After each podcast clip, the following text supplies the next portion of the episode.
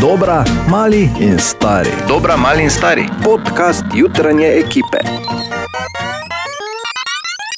Želimo dobro jutro. Dobro jutro.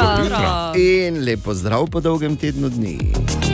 Pozdravljen nazaj. Dolgem, Praš, to je zdaj stvar zornega kota. Veš, ker ko sem danes nazaj prišel, je bil tak, da me še Google vprašal, če sem ziger, da se hočem vpisati.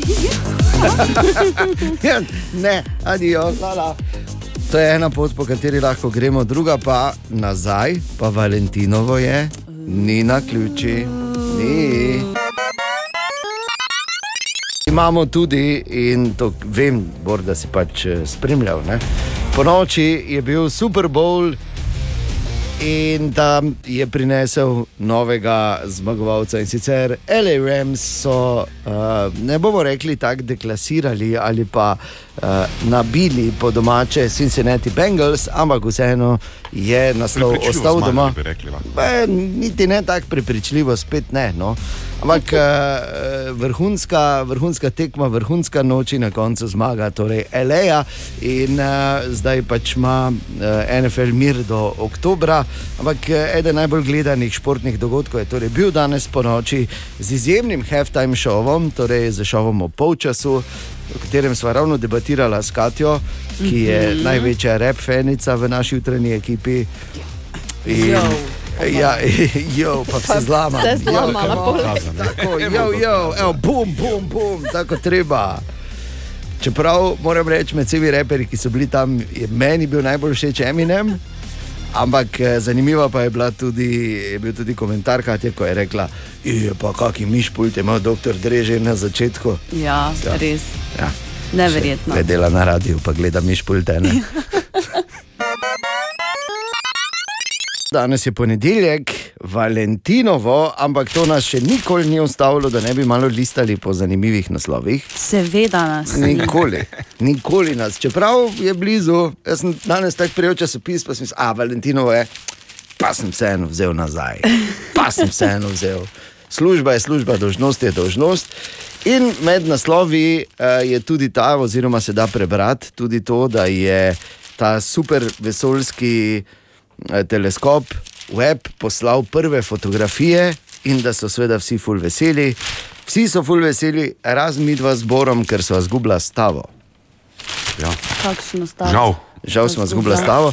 Ja, stava je bila zelo preprosta, v bistvu stavila sva, sva da bo, ker, ker tako so to povedali, da, da ne samo, da boš videl na začetek našega univerzuma, da boš videl povsod s tem novim uh, teleskopom. Ja. Sva stavila, da bo zagotovo prva slika, ki jo bo poslal, da bo tako daleč videl, da bo prva slika, ko jim vesolec kaže rit. Pa ni bilo. Ne pozabiti, danes je 14. februar. Tako, ampak zdaj se lahko hecamo, pa delamo norce, pa močne, ampak če danes pozabiš, ne glede na vse, kar rečejo, slabo, slabo, slabo. In ker je danes Valentinovo, eh, mislim, popravite me kadarkoli, če se motim. Ne? Če se danes pozabi, mislim. katastrofa. Ne? Katastrofa je vedno, če se pozabi. tako Da, Karkoli se pozabi. Sploh pa na Valentinovo. Sploh pa na Valentinovo. Ja. In ne glede na to, če ona govori, eh, to je tako, veš, tako ameriško. Ti moraš imeti mene celo leto rad, ne samo ja, danes. Ja. Ti moraš meni celo leto rože nositi, razumeš? Ne samo danes. Ali pa ne bo nič. Um, dobro, mogoče ne govori tako, ampak gre za poanto. ja, in dejstvo je, da ima Ja. ja. prav, oziroma da imaš prav. Ja, tako. Drugače ne bo nič. In uh, tudi letos smo šli malo na ulice našega mesta, na Valentinovo, poiskati ne take zanimive zgodbe, ker kot so nam pisali na avtocestnih napisih, ljubezen je večna, pazi na cesti. Ali nekaj podobnega so, bila ta, so bili ti napisi, če ste opazili, Ja. in so tudi še danes, uh, ampak res je. In recimo en dokaz sta tudi Boris in Milena. Boris, Milena, halice na plesu. da bo bilo to lahko kaj več povete? To pa je že bilo zelo dolgo. leta čakaj, 69. Leta, Čakaj, ne, ja, jaz sem 68 uh, maturirala. 68, 68. 68. Kaj je ta zgodba? Ja, da smo se spoznali preko njegove sestrične in potem smo se začeli družiti in iz tega se je razvila ljubezen, ki traja zdaj že več kot 50 let. O, Kako? Maričko. Wow. A, što so Valentinove Kako zgodbe? lepo. Tako, mejte se radi. Darilo za Valentinovo. Kaj bo ta? Ne, pač vsak ponedeljek zjutraj je to tisti moment, ko rečemo, splačalo se je čakati čez vikend. Ja. Horoskop za ta teden reši Katja, da ne bomo rabili razmišljati. V sredo ta teden bo polna luna, ki bo tudi tokrat zelo močno vplivala na vsa znamenja. Zato pazite in začnimo na začetku. Oven. Od torka naprej boste polni energije, zagona in pa novih moči. Naj vas ne bo strah biti iskreni. Proti koncu tedna se bodo odprle stare ljubezenske rane. Bik, zaradi težav se boste spopadali oziroma brez težav se boste spopadali z manjšimi težavami, ki vam jih bodo povzročali drugi. Vpliv polne lune je na vaši strani, zato se soočite z notranjimi strahovi in naredite korak naprej. Dvojčka, ta teden predvsem pazite na komunikacijo, saj nikakor ne boste razumljeni tako, kot si boste želeli biti. Preden se začnete spopadati z ovirami, se dobro organizirajte. Rak, pazite na konflikte in prerekanja. Le ti v tem tednu ne bodo obrodili nobenih sadov. Sprijaznite se, da trenutno ne morete izrazito napredovati, saj morate razrešiti dogodke iz preteklosti. Lev, odlično ste se pripravili na teden, ki je pred vami. Ne obupajte ob najmanjši oviri. Lunine energije so na vaši strani, na obzorju se kaže nekaj novega. Devica, utrujeni boste ob nenehnih besednih dvobojih. Nezadovoljstvo boste še posebej težko skrivali na delovnem mestu. Konec tedna je čas, da zadeve razrešite, tudi če rezultati ne bodo najbolj pozitivni. Tehnica, zadnje tedne se zelo težko umirite in skoncentrirate. Pred vami je kar nekaj težkih opravkov, ne izogibajte se jih, saj vam časa tako ali tako že primankuje. Ja, si videla, kako sem star? Ne, pa po mojem ni mišljeno na ta način. Ne vem, no. ne vem, ne vem. Škorpion, znali se boste postaviti zase in za svoje vrednote. Če ste samski, se vam obetajo nova poznanstva, ki se lahko spremenijo v čudovito romanco. Strelec, ta teden delujte predvsem spontano, zaupajte svojim, svojim instinktom, saj vas ti nikoli ne zavajajo. Vse, česar se boste lotili, se bo končalo zelo simpatično.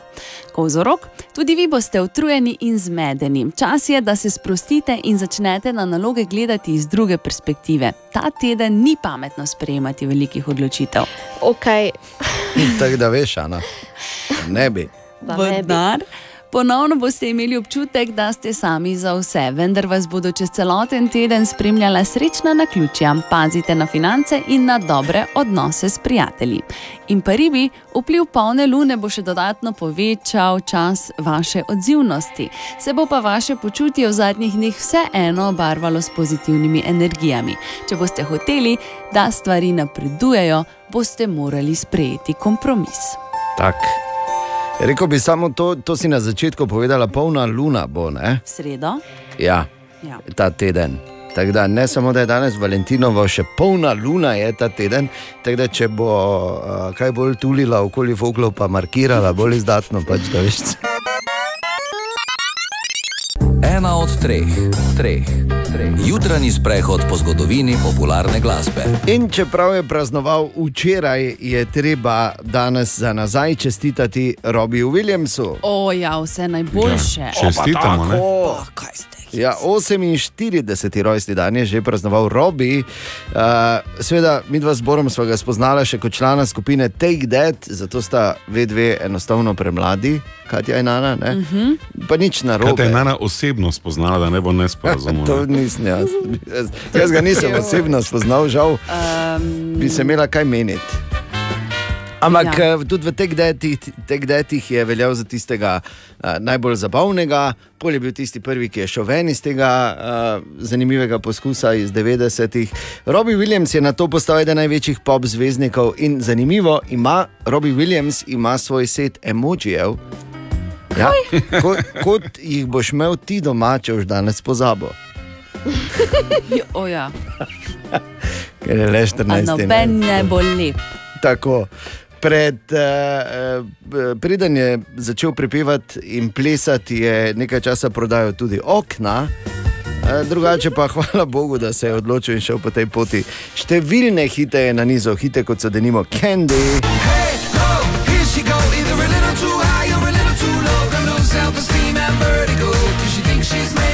Ali pa denimo Fio.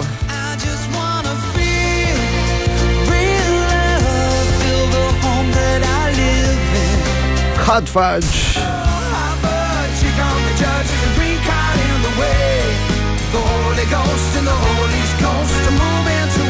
In pa seveda.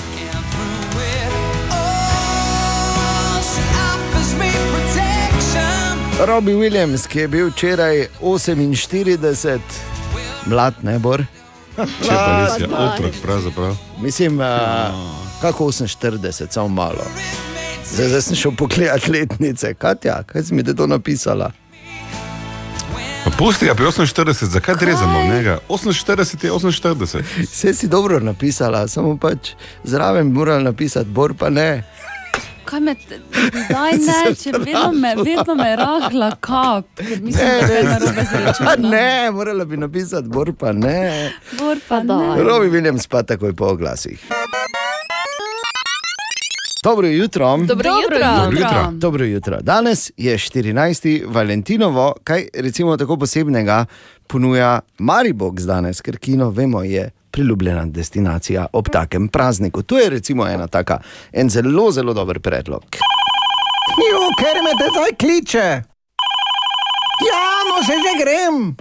Halo? Tara, bi igrala eno igrico.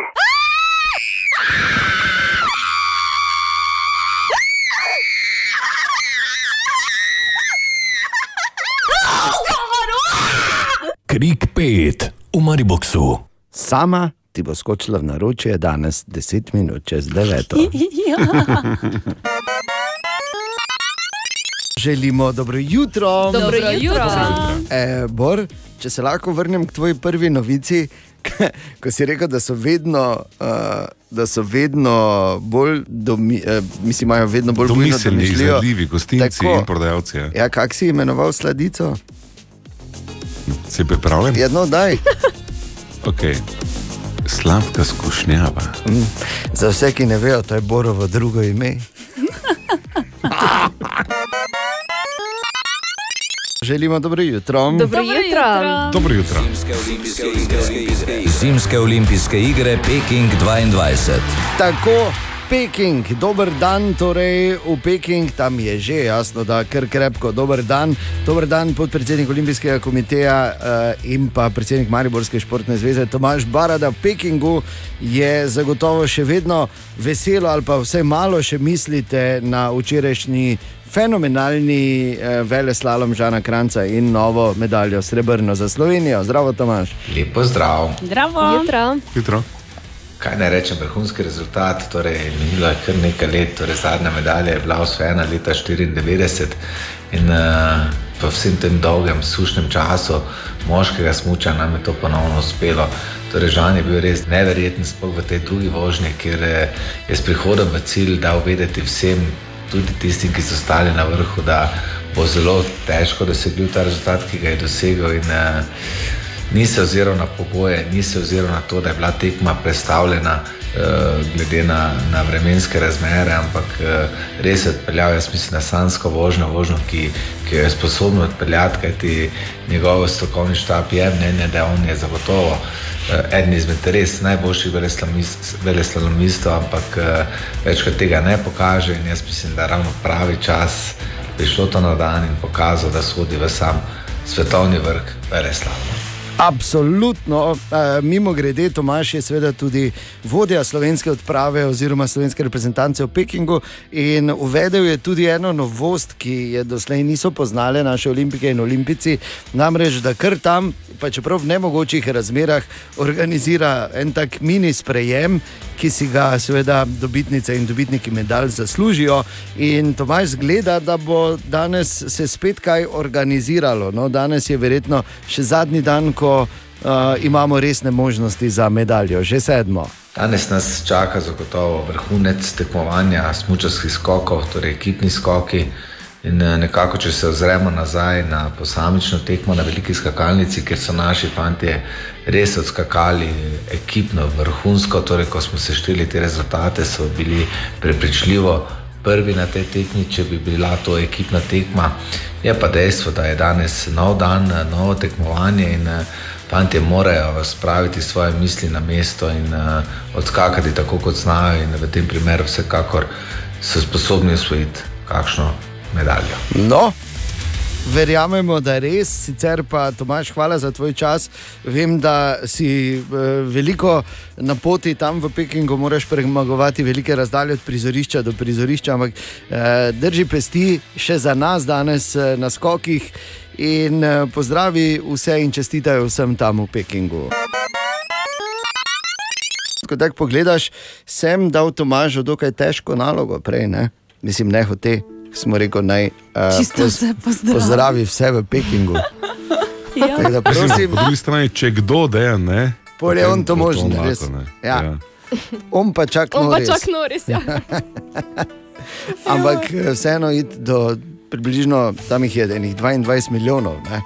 Id do vsakega pa čestitke iz eh, Maribora, Slovenije, iz, od jutranje ekipe Ja. zaradi City, čestitke, pa nasedemo. Činči, čau, čau. Te še ga en čas ne bo domov. Ja. Tako da pač, uh, Tomaš, še enkrat, uh, seveda, mislil sem naše športnice in športnike, da ne bi slučajno. Um, kaj ni drugi zgodbi, ko listamo po naslovih danes zjutraj, redki niso povezani z Valentinovim in uh, z olimpijskimi igrami. Se da prebrati tudi, da je danes ena posebna obletnica. Na današnji dan leta 1989 je bil namreč utirjen prvi GPS satelit. In približno ob istem času je bil na polico zavedno odložen prvi zemljevid. In z njim sposobnost, kmalo zatem je sledila sposobnost orientacije, na zadnje pa se je odložila zmožnost razmišljanja. Tako da hvala lepa. kdorkoli ne razume ali pa se ne strinja, hiter test za vse, vsak pri sebi tiho odgovori, kje na mapi je sever. No, dobro, daj, zdaj no. tako pa res ne smeš. E, Ne, ne, ne, ne. Zahod, In gremo vzhod dalje. je večja težava. Ja. Želimo dobro jutro. Dobro Dobro jutro. Dobro jutro. Ja, ogromno je teh zgodb in danes se slavi, ko je 14. Jaz se veš zgodbe, kot on je imel brčice kot Clark Gable, ona je imela pobrite noge kot Lance Armstrong. Veš te zgodbe. Ne? Pa, No, ali pa oba naivna nista vedela, v kaj se spuščata. Danes živita srečno. ja, in poglej, ju danes. Tako bi lahko rekli tudi za Radovana in Magdo. Radovan. Magda. Spoznala sva se na morju, v Umagu. Kako pa se je zgodilo? Kot jaz vem, šli smo peš, pa smo eni štirje fanti šli nasproti, pa štiri punce, pa smo se malo potem družili, pa hecali, pa ratalo. Tako je Bil bilo. je mladinski, Ja, no. eh, kak se preko mladine Jugoslavije, še takrat smo šli eh, in je to bilo ogromno mladine in tam smo se spoznala. Ja, pa je že 47 let zdaj, wow. za poročene. Wow. A? To so te zgodbe, imejte se radi. Želimo dobro jutro. Dobro jutro. Dobro jutro. Na Valentinovo, to je danes. In eh, ker poslušam celo jutro že Borova uh, poročila in uh, kako on razlaga, kako je to postal normalen del potrošniškega vsakdana na 14. februar, tudi pri nas. Popravi me, kadarkoli se motim, bolj. Recimo, no, mislim. Ja, ne, pač- en, eno od teh stvari. In eh, zato sem šel sam preveriti, kaj pa dejansko. Da so recimo kakšna les mini darila, ki jih še ponujajo. In Okej. prisežem, prisežem, da to zdaj ne bom eh, spremenjal na noben način. Samo bom šel dol po seznamu ene od trgovin in, z- in vi si samo predstavljate, ko greš samo po seznamu, kaj vse izporočiš. In pazi vrstni red, kako je to zloženo, če bi recimo to kupil. In sicer na seznamu uh, teh, ste pripravljeni, kaj je Nana? Vajna reakcija me zanima. Prisežem, da nisem spremenjal, da je tako. Okay? In to je Okej. zdaj, tak, lahko bi rekel, tudi celo popolno Valentinovo, oziroma popoln dan. Okay. In sicer so ta darila, ki so na voljo. Imáš multipraktik, je friteza, avtomat za kavo, sesalec, likalnik, zobna ščetka, fen, voljum braš in depilator. Ti veš, da Google personalizirano ven meče na uporabnika. Ne? Ne, ne, ne, Ja, to je, no, to je, na, samo, ne. to je na uradni strani. Oglasi so prilagojeni. Ne tako. Karkoli od tega, ne. Ampak predstavljaj si vrstni red. Najprej, Ne. najprej za jesti, pol kafe, pol pucat, pol likat, zdaj Po pa, pa se še se zrihtaj. zrihta, ja. Tako. Pa da. Pa To ne moreš verjeti. Skratka, zgodbe, ki jih piše življenje, pa imejte se radi. O, Tine! Dobro jutro, Tine. Ja, dobro jutro. Oh. Ja, Tine. Nekaj časa se nismo videli. Dobro Ne? jutro, Tine. Dobro jutro, dobro jutro. Si se spočil? Uh, no, fulja. uh, kaj to zdaj pomeni? Eh, ja, da se nisem, ne. Ampak, eh, da bi očitno veš, se strinja tudi širše gledano, eh, se strinja, da mogoče ne bi smel, ker ko sem zjutraj prišel, pa sem se hotel prijaviti, no, da me je Google vprašal, če sem ziger.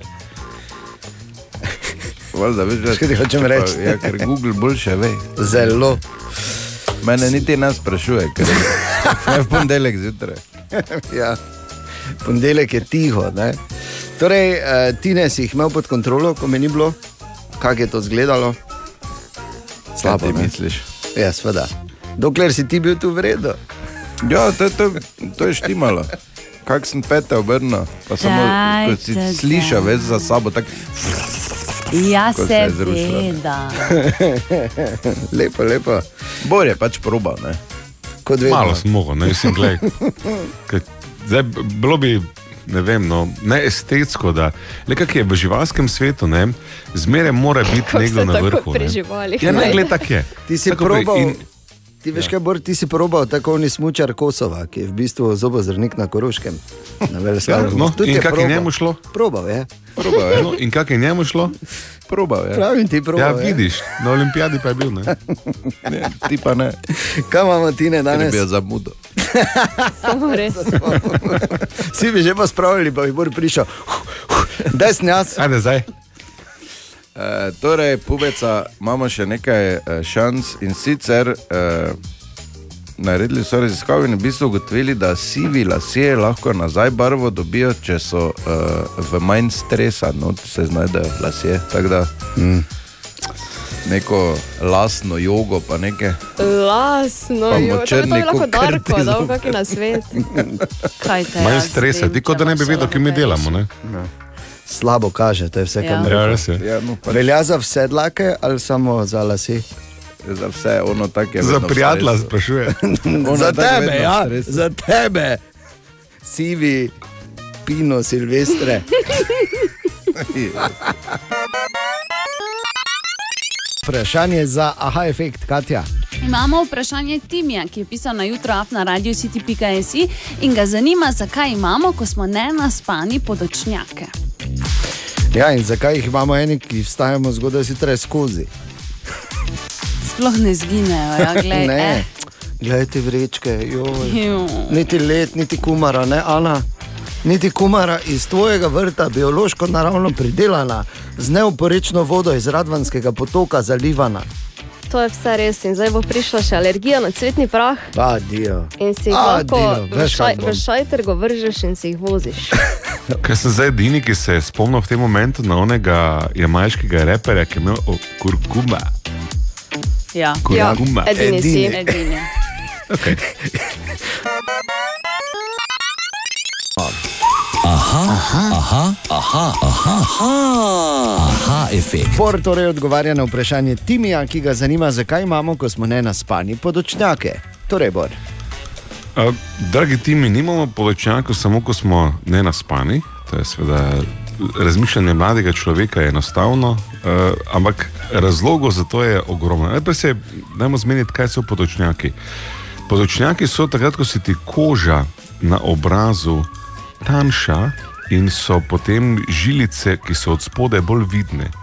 To je eden od dveh pomembnih razlogov, da vidimo te kolobarje, drugi je pa, da niso kolobarje, ampak sence, ki jih mečejo otečene uh, veke.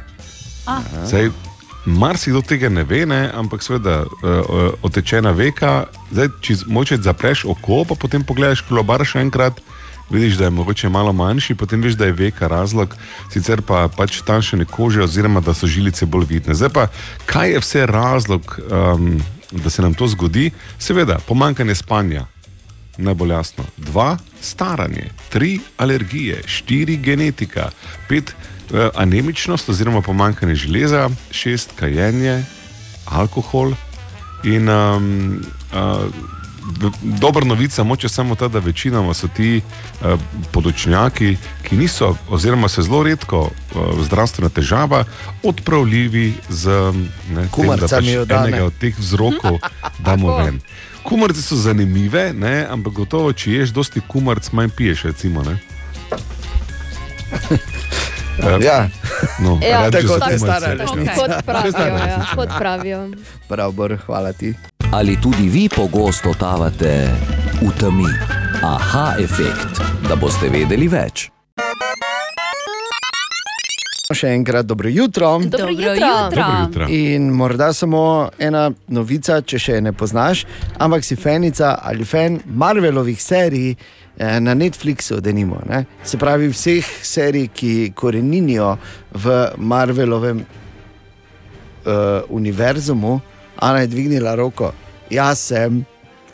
Ja, nisem delati, radar je v Melju, zdaj če smo že tu. A, oh, ja. super, Aha, hvala okej. lepa Ja, za. dalje. Pa nazaj v Marvel vesolje. Ja, ker bi lahko Ana mimo grede z Berglami nastopala. Ne? Nimam jih več, tako da. Super, super krač bi lahko bila. Ja. Uh, ne, ampak eh, čisto za res, uh, lahko gledaš tam serije samo še do 1. marca, ker potem jih počasi umikajo. Ojoj. Ja, to je novo. Ja, Katja, seveda, seveda. ker boli Kako se me. ja vidim, kako se sekiraš. Ja. Je Približno tako, da pač je rekel, da je samo ena stvar, kjer je, mislim, samo eno mesto, kamor sodijo knjige Harryja Potterja. No, no. Tam se veš. No, no, no, no, no, no, no. Ne, ampak čisto za res, eh, pri Marvelu so podpisali pogodbo z Disney, Plus, eh, plat, pretočno platformo, tako da grejo z Netflixa. Ampak dobra novica je, da je pred par tedni so pri Disneyju, Disney Plus povedali, da bo na voljo tudi v Sloveniji. Ja, bravo. Tako da še ena možnost, da pač mesečno gre 12-13 evrov. Ne? Ali Ja. koliko pa že je. Ja. Lepo. Se veš, evro na evro na evro na evro. In greš tja noter, in na srečo nimaš težav, ker si si prej tam zložil knjige Harryja Potterja, ki so debele in nekaj časa trajajo. Na 14. Dobro jutro. Dobro jutro. jutro. Dobro jutro.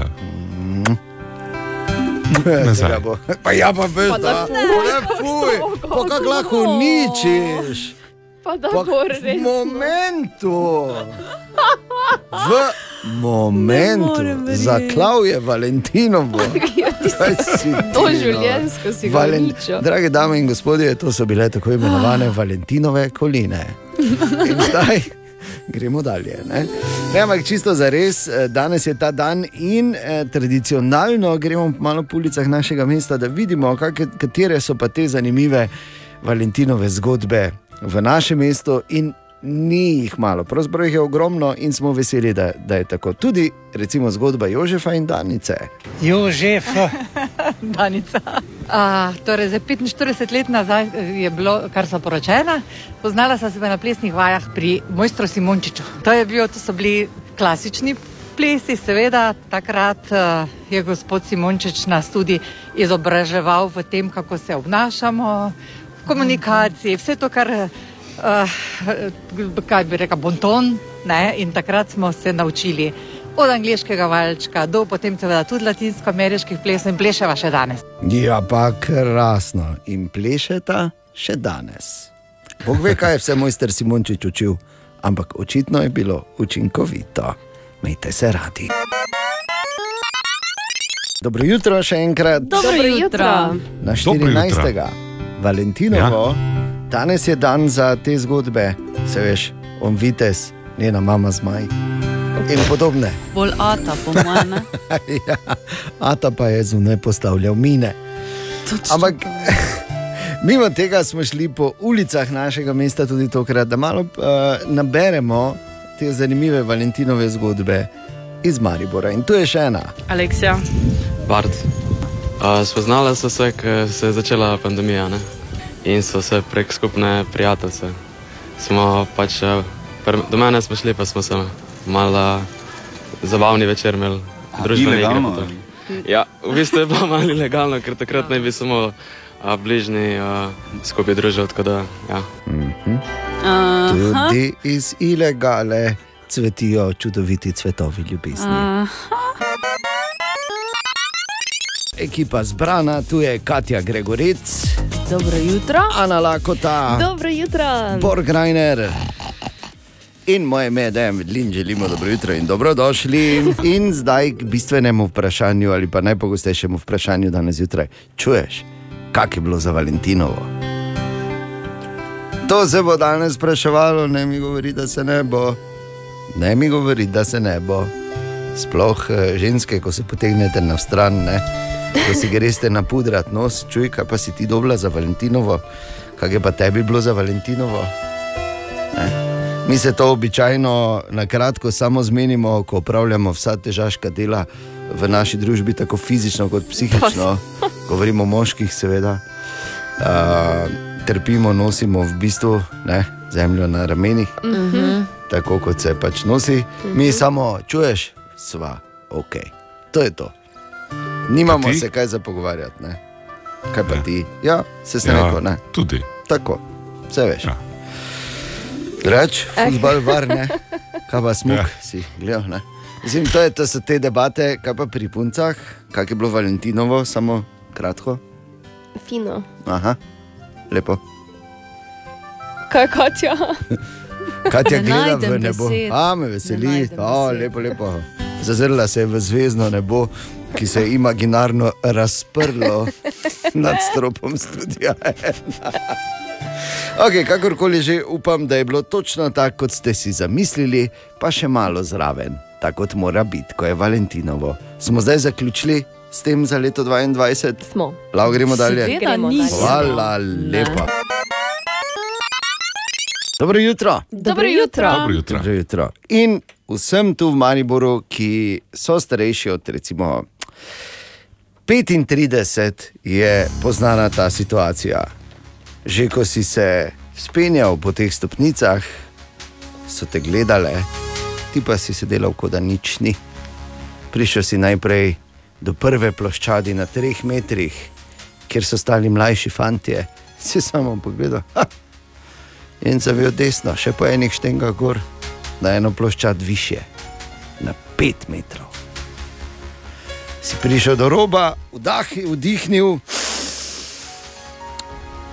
ah, izdihnil, veš, se pripravil, stopil tako malo s prsti, pomigal čez rob, dig, dig, dig, dig, dig, dig, dig, dig, dig, dig. Se prepričal, da je varno, da ni spodaj nikogar. Pol si se odgnal in to tako fejst, da je za nekaj trenutkov vse vtihnilo, samo črički so se slišali, ko si bil v luftu. In potem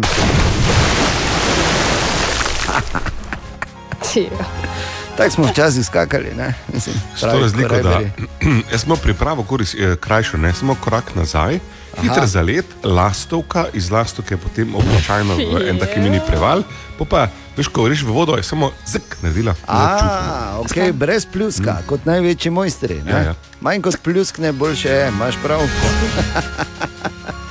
Okay, torej, eh, tako smo včasih skakali, pol, kar skoraj desetletje, ne, zdaj pa je par dni že odprto. In me res zanima, ali je kdo, ki je tam zunaj, ta trenutek, ki je že šel spet skočiti s trojke, ali spet, čeprav spet, ki se skače, ne, trojka se segrevanja. Spet, ki pravi, gre. Ne. ne, ali je že kdo, je spet, ki gremo mi. Ne. Tako, tako. Tako, tako. Ne, ampak če za res ali je že kdo skočil in preveril in eh, primerjal občutke nekoč in zdaj. Servis 211, prosim, povej mi, ker ja še enostavno nismo časa. Jaz bi šel, samo še nismo časa. Se veš, da greš gor, pa tako skočiš, pa bom. Malo, Ja, naj, najprej, Odprto je že, kaj je bilo čavči. pa pol. Ne, tako se naredi. Ne? Kaj si o to reči, Bor? Da bi jaz šel, samo nisem vedel, da je že odprto. No. Ja, odprto, no, ja. pa saj je par dni. Ne, je. ne, nismo poročali. nije, jo, nimam časa tam. Ne, jaz tudi marca. nisem zdaj mogel nič iti, veš, vse Ja, veš, pa ja. zdaj tudi slabo kaže do 2025, Do nekje dolgo, imam, ne? ker, ja, ker Do imam, 2025 imaš. imam kar ne? polno, vse bom rekel. Ne? Da ni Jo, tale jaz tudi ne govori. Ja. Strah! Ne, ne, ne, ne, ne, ne, ne. Strah! Ne, ne, ne, ne, ne, ti boš, ti boš, Ja, meni ti boš strah, ja, ti. Ne, sem časa nisem Ja. Ne, ampak če za res ali je kdo že šel. Ok, pač ne gremo, ker smo prestara in ni več teh ob, mladostnih občutkov. Veš, kosti se ne celijo več tako hitro. Lamp vedno bolj peče, samo ker je malo, večji. Čakaj, čakaj, ne, ne, ne. Zdaj pa, zdaj pa ustavi. Nikoli eh, ne morem reči, da sem prestar. Raje rečem, da nikoli nisem skočil s petke. Strojke ja, na noge, petke pa ne. Resno. Ja. N- Nisi strojke na glavo skočil? To pa je, Ne. to pa, bo, to pa moram reči, da. Ne. Šminko je si visoko, tudi nosil. Visoke pete tudi nosiš? Ko smo se pogovarjali o skokih spetke in kako uh, samo navidezno pogumno, pogumni so eni člani in članice jutranje ekipe, mislim, se lahko rečete, da vas je strah, Katja in Nana, ne, da ste to govorili, samo se hvalili. Pa, Jaz se niti ne bi hvalila ja. o tem, Seveda, da da bom, ne. ker pač Ker pač ne bomo, ne? Ja, tako. Ker ne Okej. upamo in to priznava. Kaj sej vemo, da smo pač jasno s vami, da zborom, tako smo največ govorila. Ampak poklical je Darijo, Ja, živijo, da je tukaj. Ja, jaz pa meni predlog, kaj če bi Bor pa dejan šla za humanitarne namene skakati spetke, pa da nekaj naberete, pa se še mi malo nasmejimo. predvsem ta zadnji del, Ja. da se še mi malo nasmejimo. Pa dobro, Ne vem, če bi kaj nabrali, roko ja. na srce. ne. A, to je A, in B, taki, uh, uh, torej kaskaderski podvigi, morajo biti za neko resno dobrodelno stvar. Ne? Ja, Mhm. sej, vsa Ja, dobrodelnost je resna. htela tako. Ja, imaš že stopnje potrudila. resnosti, ne? se veš, ne, imaš stopnje resnosti. A nista vidva samo tak. Ne to, gre za to, kaj delaš. In igrati se življenjem, ga nositi praktično na pladnju, ne, to pa že terja neko resnost. Na drugi strani, ampak mislim, da lahko mi dva zborom dosti bolj pomagamo na kak drugačen način. Da hvala za super predlog, ampak eh, Enkrat se strinjamo v življenju, popolnoma ne moreš verjeti. ja, pa tudi pravim. Danes zjutraj se je slučajno rodila debata na temo skakanja iz, iz petke in kako je to spet možno v pristanu.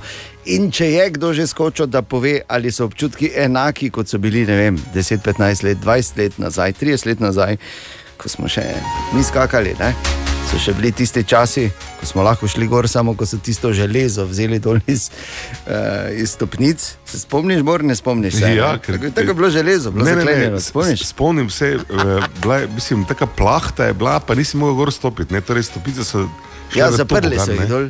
Ja, ja, ja. ja. In, uh, ja, in kak je, in vmes je poklical Max. Dobro jutro, pa Max pri telefonu. Vi, eh, poslušam tukaj te heroje, spetke skakati. Ne?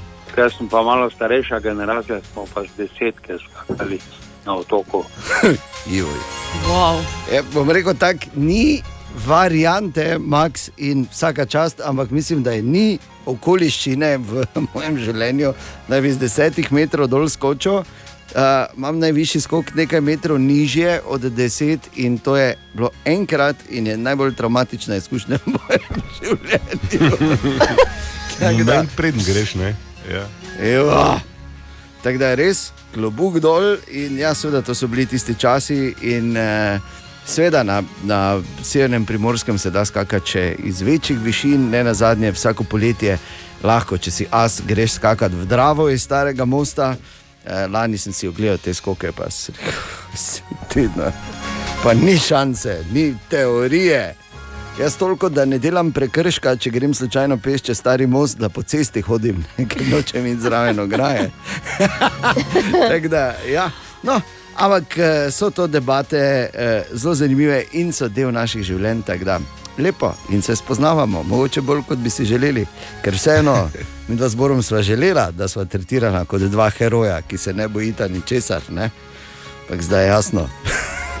Želi, probala sta. tako, probala. Simpatičen poskus bi to Tako, imenovali. tako, tako. Tri minute pred sedmo. Dobro jutro. Dobro jutro. Dobro jutro. Dobro Dobro jutro. jutro. Dobro jutro. Torej, ljudje, 15. februar je danes, Ljudje in človeki. Ljudje. ne. Zabolelo me. je. Pa jaz smo vsi človeki, Ja. oziroma ljudje. Ne? Homo sapiens, sapiens, rasa. Tudi vse ostale, v bistvu, govorim Facebook, Instagram in tako dalje. Poslušaj to, danes je 15. februar, ni več daleč. Namreč danes zjutraj sem se zbudil prepoten in živčen, kako blizu je vse skupaj. A, kaj ti moramo se zavedati, da prihaja monumentalni dan, prihaja 9. marec, dan, ko bo, ko bo. In ne moremo mimo takega obeležja kar tako. Okle, kar ima lepa, ne? Zato bomo vsi stopili skupaj in štartali že danes zjutraj en prav poseben natečaj. Kulturni presežek, literarni vrhuner in sicer natečaj, Bor je tak star, da tri pikice. In sicer gre za prvi veliki natečaj na Radio City. In sicer ob eh, praznovanju Borovega Abrahama, na katerega se pripravljamo. Zakaj se za glavo, držiš? ti? Kaj si ti normalno? Kaj te, je lahko hujše? ali Ne, kaj? ni, mislim, to bo lepo. Tako da a, vse bliže je torej ta dan, Bor bo slavil Abrahama in zato smo se tu v jutranji ekipi pod budnim očesom komisije, ki jo sestavljava mi dva stinetom, seveda, a, začeli s pripravami na to veliko komemoracijo ob dogodku. In eh, zato te prosimo, tudi tvoje razmišljanje je zlata vredno, tudi tvoje razmišljanje bi radi imeli. In sicer razmišljanje na to izjemno pomembno tematiko. Z drugimi besedami, čestitaj Boru tudi ti, s tvojo originalno, Bor je tak star, da tri pikice šalo. Do 7. Glej, marca zbiramo. S to tvojo podlago, že imam prvo tudi. Bor je tako star, da še enkrat v park račke gledati, pa je samo dinozaure našel. Okay, mogoče ti ne bi sam sodeloval, sebi ne bi, ja, res, mogoče. Iz večjih razlogov. Prvo, ker je nekaj Podlago, podlago, da tere, tere, tere, tere. Ja, no, se pa je, podlaga je idealna za ta naš vrhunski kulturni. Kulturno-umetniški, literarni natečaj, Bor je tako star, da tri pikice na naših družbenih omrežjih, je tako, Katja, Tako je. Kje vse? Eh, Zaenkrat na Facebooku. tako zaenkrat. Zaenkrat. Pol pa bomo širili. Bomo. Pa bomo pa širili na zadnje od ust do ust, in eh, da zberemo. In bor za tvoj, na, tvoj, na tvojega Abrahama na 9. marec boš lahko ti bral vse te čestitke. Se mi zdi, te- ja, seveda, to je najlepše darilo, ki ga lahko dobiš za Abrahama, se mi zdi, da ne. Je tako, Bor? Tako da, prosim, časa je seveda več kot dovolj, ne pa spet toliko, zato smo na 15. februarja to štartali, da imamo dovolj časa. Jaz mogoče samo preslono eno od mojih najljubših, Bor je tak star dašal. In sicer, povej.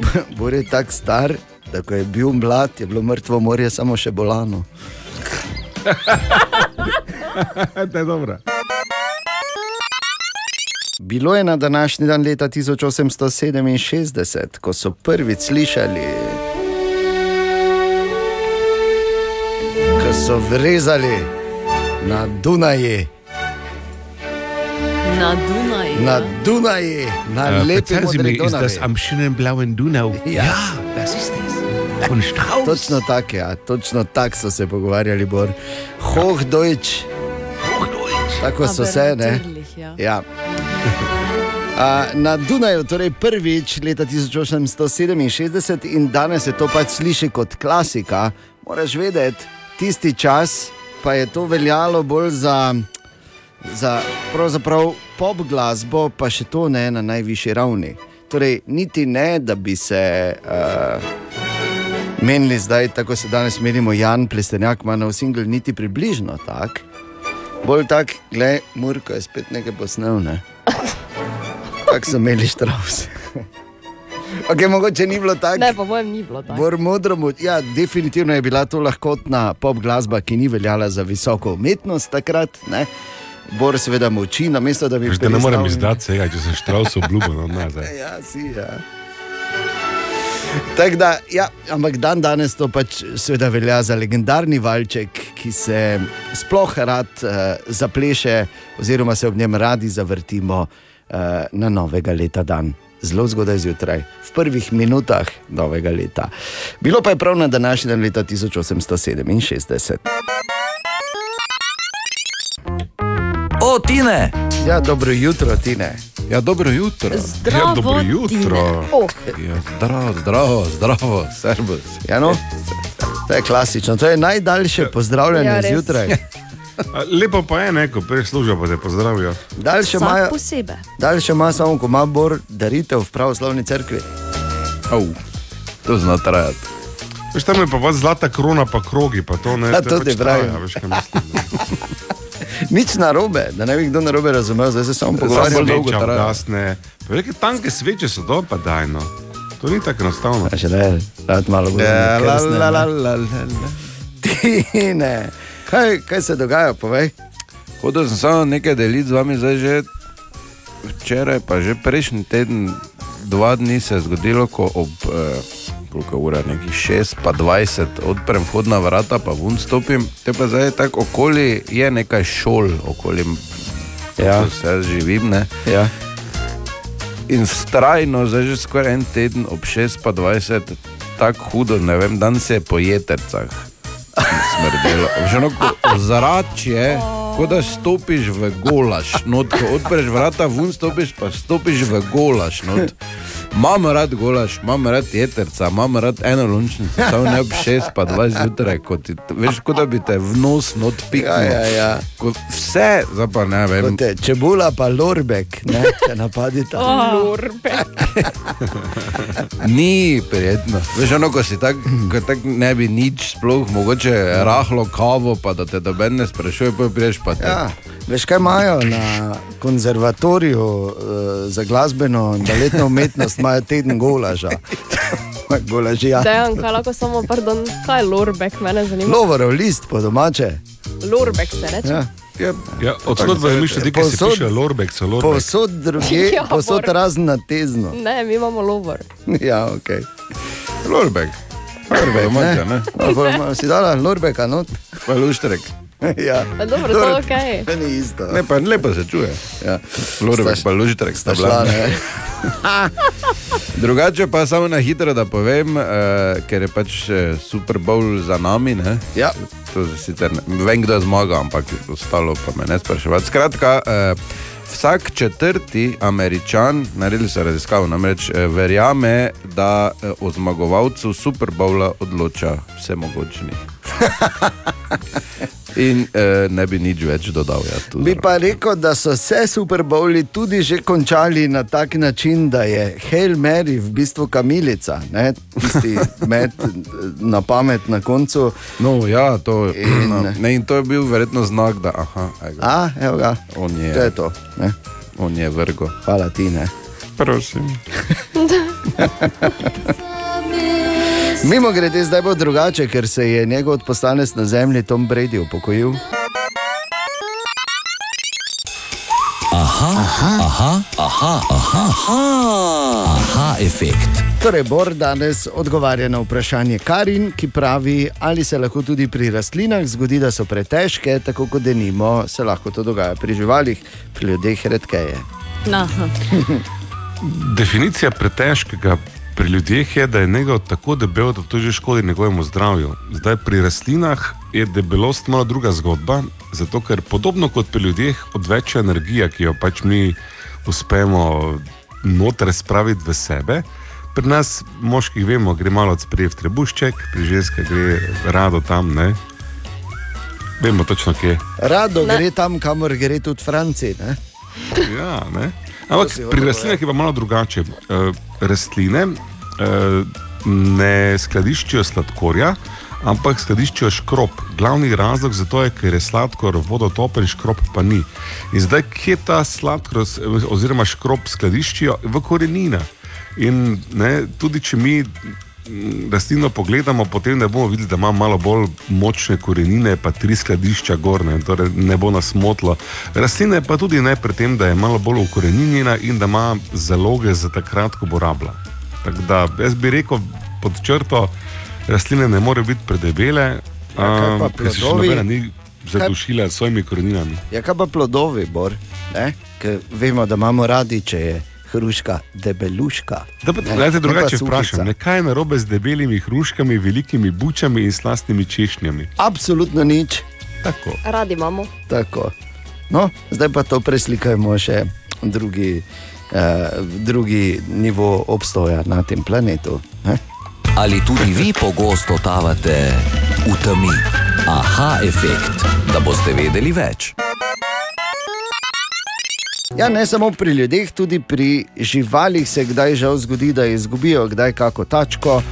Ali pa da pač ne morejo več eh, popolnoma ali pa v popolnosti uporabljati vseh končin, in to se bo, po mojem, eh, oziroma po novem, dalo rešiti eh, na drugačen način. Kajti imamo v naši bližini, natančneje v Desterniku, enega pubeca, ki se je odločil, da bo delal proteze za živali. Ja, zelo lepo. In David je to raziskal. David, dobro jutro. Dobro jutro. Dobro jutro. Dobro jutro. Torej, povej. Ja, Aljaš Muršec je njegovo ime, je pa diplomiran ortotik in protetik. Skupaj s kolegi pa so se torej lotili tega projekta, imenovanega RIPO5. In zdaj, verjetno marsikdo tam zunaj pozna kakšnega psa, kakšno mačko, ki ima samo tri tačke. Sploh mogoče malo bolj na vasi, kjer so za njih izredno nevarne te traktorske kosilnice. In če poznaš kakšnega takšnega hišnega ljubljenčka, oziroma pač nasploh žival, hitro se prilagodijo na tako poškodbo, ampak Muršec razlaga, da je to na dolgi rok za njih vseeno slabo. Načeloma standard pri veterinarski kirurgiji je tak, da če je poškodovan, poškodovana neka končina, se jo potem odstrani v celoti, saj to potem v bistvu je dodatna teža, ki jo morajo nositi ostale tri končine. Načeloma zdaj za uporabo teh protez pa lahko žival, živali povrnemo normalno štirinožno hojo in se tem razbremenimo ostale, a, torej okončine in hrbtenico.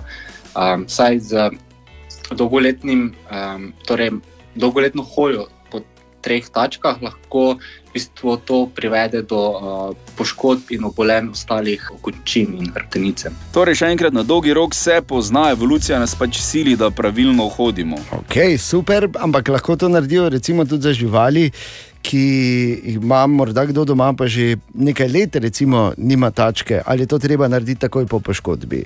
Ja, mislim, če takoj po amputaciji je seveda boljše za žival, čim prej se to naredi, lažje je, ampak. Vsekakor pa se da, kot tudi kažejo naše živalce, katerim smo pomagali, da se tudi po parih letih hitro privadijo, načeloma a, v parih dneh, torej na, na nov ta pripomoček za hojo. In zdaj neke resne spletne strani sploh še nimajo, res smo jih zelo zgodaj, zgodaj ujeli na tej njihovi podjetniški poti, imajo pa zaenkrat kontakt, kjer jih lahko kontaktiramo za povpraševanje na Instagramu repopet oziroma repa2vpet, se pravi repopet. Tako, REPA dvojni v, druga beseda pa PET, oziroma RIPO5. Če potrebuješ njihovo pomoč, jih torej najdeš na družbenih omrežjih. Kviz brez Google. Oh -oh. Izvoli, Tomaš. Ja, zdravo, dober dan, pozdravljeni. Uh, Naj vas jaz ne motim, jaz sem samo Joli, ker je Tomaš v Borjoli tednu. Ja, Borjoli teden, ja. z mano pa tudi Niki. Niki Serbus, Niki gremo ne? v akcijo. Jolija imaš na voljo, če neš vedo, vprašaš Jolija, če on ve, ve, če pa ne, pa je pač. Joli ve, veš, da ve Joli. ok, za 10 evrov najlažje vprašanje, kako se imenuje kraljevina na Iberskem polotoku. Uh, kraljevina na Iberskem, Iberskem polotoku. Ja. Španija? Španija, ja, veš, kakšen trik, ne, da si mogel tako razmisliti. Bravo, 10 evrov je že tvojih. Za 20, kdo je v otroški narodni pesmi pasel ovčice? Izidor. Izidor, bravo. 20 evrov je že tvoj. Gremo malo težje, še. Plus 30. imamo, mi gremo do Še 50 imamo, zdaj. Ja, da vidimo. Ne? Za 30 evrov, katera latinska beseda za Boga oziroma za božanstvo? Deus. Deus, ne, seveda vemo. 30 evrov je že tvoj, odlično. Za 40, kaj Julija? Ja, čakam, če ima kaj dela. Ne, Slabo ne vem. Katere države so tvorile tako imenovan Balkanski pakt oziroma Balkansko Antanto? To je bilo podpisano To bi leta Joli mogel spomniti, ne? 1934. Ja? Seveda. Uh, Grčija, Romunija, Turčija in Jugoslavija. Nami reči nekaj, je bolj natančno. Kaj že hočeš zdaj iz Jugoslavije? Da je. SHS povem, kaj? Kraljevina Jugoslavija. Ja, no. Ja, no, dobro. Ja, ka, samo mi boš dal točko? Pol, tako da 35, ne zabavam se. Ja, bravo, Joli je rešil 40 evrov tvoj. Hvala lepa. Nič mu ne daj stran. Lepo bodi, adijo. Hvala. Enako, adijo. Kviz brez Google. Oh -oh. Tu je naš priljubljen jutranji segment iz Borove špajze. Ja, in v špajzi razmišljamo, se čudimo, modrujemo, včasih pa tudi samo zbiramo predloge, kot je recimo sledeče vprašanje. Ali bi moralo, po vašem mnenju, obstajati uh, dejstvo, da se rojstni dnevi lahko enkrat nehajo praznovati? Tako čist nepovezano z akcijo, ki jo je dejan. Pa, Jaz sem za, jaz sem takoj ostala za. Absolutna ekipa, tu štartala. Zasi, ok, pri katerem letu? A, čim prej, gledaj. Kaj, 35, 30? A, čim prej, še prej, prej. prej. Boš videl, Bor, zdaj je Julija šele dve leti ne, in pol. Boš videl tam, ko bo okoli 5-6, ko boš začel hoditi na rojstne dneve. Ejoj. In kak strošek to v bistvu predstavlja za brez veze. Tako da, uh, čim prej jaz ostanem pri tem. Glej, ne bi se mogel bolj strinjati. Uh, Ana in Katja, uh, Ja. kar tiho sta. Ja. Ja. Kaj bomo rekli? Ja, Praznujemo, ne praznujemo. Eh, oni- 30, ko se nama pusti. Oni dve še niti 40 nista, tako da brez veze se z njima pogovarjati. Veš, kaj to je zdaj bilo pa kar. Kar pohvala. Ja, Kar pohvala. Kar res, ne? Pa 40. daj. Da sta tako mladi, Da še s- niti 40 nismo. Ja, ne? da se nimamo Eh. kaj za pogovarjati na to temo z Moj, vama. Glej, v tem momentu dejansko se je meni utrnila idealna formula. Torej, rojstni dan začneš praznovati takrat, ko si finančno samostojen in neodvisen od staršev in ga lahko praznuješ kakorkoli želiš, kjerkoli želiš za svoj denar. To pomeni, govorimo tukaj od verjetno 31 pa gorne. In zaključiš v momentu, ko je že malo kislo, ker vse na tako mlado ni, torej recimo nekje pri 29. Ne. Jaz bi idealno. Kako začneš pri Ne, Bor. 31, pa končaš. Ne se prav, da Tako, Ana, začneš takrat, tako, ko pač tako. s tem se strinjam, končaš pa veš kdaj, ko ti hočeš. Ok, končamo. No, mislim, razen v tvojem primeru. Je, se. Ja, glej, ne, pri tebi je drugače. Še enkrat, dobro jutro. Dobro jutro. Uh, in ko listamo malo po naslovih, danes zjutraj najdemo tudi tega, da gre polna luna v znamenje device danes, kar ni najbolj posrečeno. Tako da prvo kot prvo to, drugo kot drugo pa, ko si to prebral, sem razmišljal, da no, se pravzaprav redko kdaj je kaj res posrečeno, ko gre v devico. Ne? Web, web, web, web check. Katja, dobro jutro. Dobro jutro. Jutro. Kaj imamo? Elizo je recimo povedala, da se res, res želi slikati za Playboy. In jaz jo absolutno podpiram. Ja. Zakaj ne? Se noben ni ne? rekel, da se ja, ne. Je, to je bil ta ton, ne. Lejo, kam se bajsika zaganja. Ne? Pa doj. Pa ne tvoj, ne tvoj. V naslovu te novice. Ok, v redu. Ne, da ne bi zdaj. Ne? Ja. Ampak, eh, glej, treba je iti mimo tega, jaz jo absolutno podpiram, uh, čestitam za samozavest in moram reči, da skoraj da raje to vidim, kot pa da so not neki ribežni, ne? kot da suho robo gledaš, ne v bistvu. Okay. Na žegnanje. Super novica, recimo za vse oboževalce serije Peaky Blinders. E, premjera šeste sezone naj bi bila 27. februarja že. Yes. Komaj čakam. Potem je zunaj tudi nov trailer za drugo sezono serije Bridgerton. Gledali jo bomo lahko od 25. marca naprej, seveda na Netflixu. Dobro, to Tudi so verjetno čakaš? dame bolj vesele. Ne, jaz Ne, nisem ne. nisem.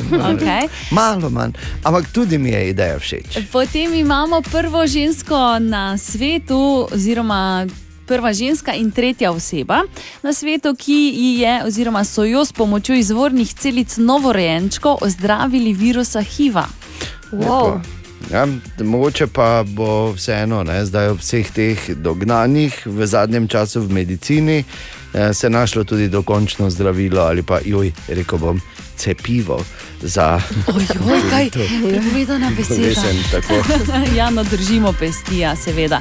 In pa najnovejši trend na področju ženskih frizur v tej sezoni je frizura Bixi. Gre za kombinacijo kratkega paža oziroma bob frizure in frizure Pixi. Sploh ne bi rabila razlagati, mislim, A ja. krat, Bob, frizura in pixi bi rekla. Ne? Aj, pardon, pardon. Ja.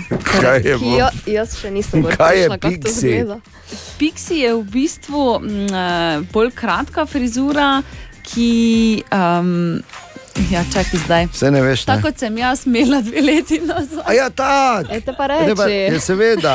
Kratka frizura, ne enakomerno postrižena. No. Aha, okay. Ja. Tako da, se, kot da je šlo nekaj narobe pri frizerju, kar je v bistvu vsakič, ko ti greš. Ne? Aha, aha, aha. Jo. Pardon, Uh, ne, ampak. Drop the mic. yes, to je to, hvala lepa. Torej, Bixi med Bobom in Pixijem. Tako. Halo, se pa to je vsem jasno.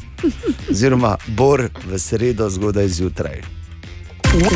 Web check. Dobro jutro. Dobro jutro. Dobro Dobro jutro. jutro. Ja, te dni bo še ena zanimiva obletnica. 75 let bo, odkar so uh, prvič gledali enega, so rekli, "Glej, kaj da je s tem butlom, ki je imel fotoaparat okoli vratu, pa je tako s kosom papira, tako mahal po luftu. Ja, to so bile 75 let od prve uh, polaroidne kamere, ne? Oziroma kamere za instant fotografijami. 50 let že Tako, leta 7 1947 je bil Edwin Land, ta, ki je predstavil svojo Land Camera Model 95, na kateri pa je sicer na veliko gori pisalo ime te nove tehnologije, Polaroid, in tako uh, je to postal nekako sinonim za pač te hitre fotografije. Zanimivo, da je Land prišel na idejo tako, da mu je hčerka rekla: Čujati, zakaj moram tako dolgo čakati, da sliko vidim?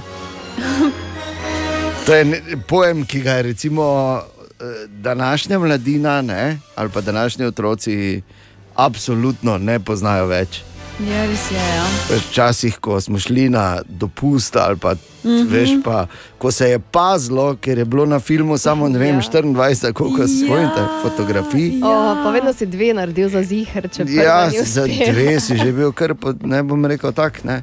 In pol si veš, full pazo, pa vse to, pa kik ne. In pol, uh, ja, ne še ne, ne se razvijati, ker še ni film poln. Mhm. Ja. Pol si mogel čakati, ker se ni to kar tako fotografiralo. Ne. Ja, res je. nekaj.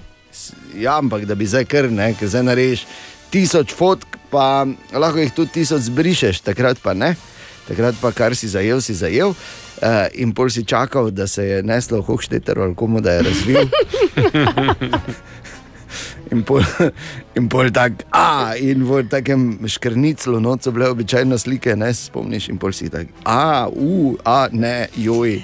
To je bil celi dogodek. Ja, Ja, Jaz se je bil, spomnim, ja. ko smo bila Vedno. majhna, smo sedeli za mizo in Gledali slike, podajali ne? slikice Ja. naprej. Ja. Ampak taki, ki so imeli denar, so pa lahko takoj gledali fotke, ne bor, ker so imeli polaroidno kamero. Polaroidno kamero, ki bo torej praznovala 75 let. Tehnologija je še danes, mislim, da se da kupiti. O ja, jaz Te imam. ja, Je moderno, ja. Super, ja. Da, se je samo milijon Moderno. evrov stane kamera, slike stanejo 2 milijona, pa pol Ne. manjše so kot originalne. Pa ja, če vem, če Bor- so Ful male so. Kamera ni toliko draga, kot so dragi filmi. Ja, no, vse to je to. Ne? Ja. A ni filmov, ne, ampak ok. Ne. Vse, vseeno. Vemo, kaj je hotela povedati. Tako. Tako. Vemo, kaj sem to jaz povedal z mojim sarkazmom na deset. Vse, vse je jasno.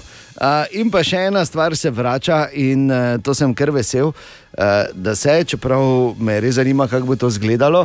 In sicer, ko smo gledali film Back to the Future, je Michael J. Fox se vozil nazaj v preteklost in potem nazaj v prihodnost, s katerim modelom avtomobila Bor. To je bil legendarni.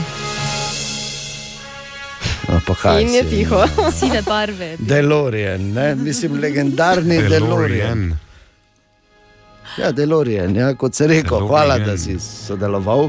Uh, res, uh, avto, ki so ga sicer delali samo eno leto, zanimivo, in ki ga je, uh, ki ga je dizajniral italijanski dizajnerski mag uh, Giorgetto Giugiaro. Uh, ampak eh, zdaj se pa ponovno vrača in sicer kot Delorean Evolved, in naj bi bil električen, in naj bi uh, ohranil vse osnovne karakteristike, še dizajnerji naj bi bili enaki kot pri originalnem Deloreanu. Tako da, ne, nič bolj ne se veš, ti si edini, ko imaš, naj ko vum pride, veš, kaj bi mi imeli za rojstni dan. A, Dve stvari sem rekel, vrata se gor odprejo, tako se Kot morajo vedno. pri Deloreanu. ne? Ja. In seveda, uh, gremo krok popoldne. Že Že imaš? Samo daj dejanti vozi, prosim. Ja, res je. Evo. Ker on bo pozabil vrata zapreti. Pa bomo tri pol, bomo pelali tri na urgenco, ker bomo čakali, ker bojo štrajkali danes, tako da super bo. In tudi danes zjutraj malo listamo po zanimivih naslovih. Danes zjutraj še, en, še enega zgodovinskega sem našel. In sicer na današnji dan, leta 1937, Dupont patentira najlon. Uh. Ja, ja. Hvala. Najlon, ki je ščrta, so verjetno najlepša besedna zveza 80. ja. Jaz pa slavim danes. Iz naše, a ja, najlon, lepo, lepo. Ne? To plastiko na sebi, Ja, pa to, poglej. najlepše, ko se vtrga. Jo, Veš, no, tako je okoli kot malo nemarna, olejo. Ne. A tak? O, ja, ja. In vtrga se prvih pet minut, ko greš od doma. Ampak tudi to, če se vtrga, še ni tako ziger, mogoče imaš koga, ki ga poznaš, ali pa nekdo, ki pozna nekoga, ko vedno, ko nekdo reče najlon, se mu rahlo razširi ta nosnici. Kaj lahko Pač gremo dalje? Obletnica, obletnica je, ne? samo to hočem povedati, tako da najlon, happy birthday. Torej, kaj se pa bo dogajalo k malu, ne boste verjeli, neke vrste ima povezavo s športom in ne morem verjeti, da bo o tem govoril Bor. Ja, ne, ampak ne, moš vedeti, da sem vedno za tiste, ki so zatirani, majhni v ozadju in kaj češ druga reči za pokovce, A. oziroma pokarje, oziroma Pležuharje, ne? Glej, izrazov je ogromno, zgodba pa je samo ena. Gor si na taki mali pripravi, nekje v senci olimpijade, kjer ni navijanja, dejansko danes celo ne bo tekmovalcev. In kot Karlo Vek, ki je organizator tega tekmovanja, ki bo danes ob 17.20 pri zgornji postaji spenjače, brez gledalcev, pravi, ko enkrat pok primeš, ga tudi vzljubiš. To absolutno drži, mimo grede, kako je to tekmovanje brez tekmovalcev. Brez gledalcev. Ja, rekel si brez, tekmovalcev. si rekel, ja. No, Samo tako bo, ne? Gle- gledali bodo sneg. Poki bo sami šli. Bog zaradi tega, ker je ena specialna zadeva to, ko smo vsi vzljubljeni, ko vsak vzljubi, ker je proba, tako bom rekel. Uh, je res, uh, res je nekaj posebnega. Ne? Jaz imam dosti gor gorencev, pa to, ko tega ne poznajo, zdaj mi hodijo sem, sem jih nabavil toliko poko, da jih rentam tukaj sem in se mi zdi ful, ful taka stvar za vsakega. Mučati treba že znati malo bolj, pa to, to pa se lahko. Ja, tudi s pokom je se treba Tudi s znati. pokom ni je treba kar- dosti znati. O, ja. Tekmovanja za poki dan um, niso tuje Mariborskemu pohorju. Na zadnje je bilo tako mm. tekmovanje pred dvema letoma, ampak doli v dolini. Zdaj imamo snega ni in so ga premaknili gor in temu zdaj rečejo prvi pokal Bruna Rice Planika. Zakaj je pokal Bruna Rice Planika? Ker je Bruna Rice Planika pač pokrovitelj. Zakaj je prvi? Karlo pravi, ja, ker jih bo še dosti. In um, še tam mogoče, ne vem, za tiste, ki še omahujete, da bi probali pok. Rekel je Karlo, nobenega problema ni zaradi tega enostavnega fizikalnega principa. Preživijo vsi, enkrat, ker nimajo davče 30 do podna. Wow. To dosti tega razloži. Ja, ne. ne, pa ekstremno, ekstremno zabavno. Tako da pač malo manj zabavno je, ko moraš hoditi gor po bregu, ampak dol pa je full. In zato uh, ne pričakovati, da boš, ko boš šel se spokom voziti, sploh če greš na kako daljšo turo, da boš naredil ne vem, 20 vožnj. Razen če si res zagrižen. Da, ampak je pa ekstremno zabavno in tako avtohtono, z- avtohtono zimsko prevozno sredstvo za naše pohorje.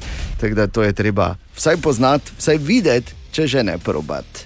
Kaj si rekel še enkrat, Bor, kje in kdaj bodo tekmovali?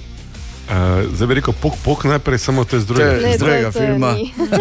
17 in 20 pri zgornji postaji uspenjače, prvi pokal Bruna Rice Planika z tekmovalci pred gledalcem.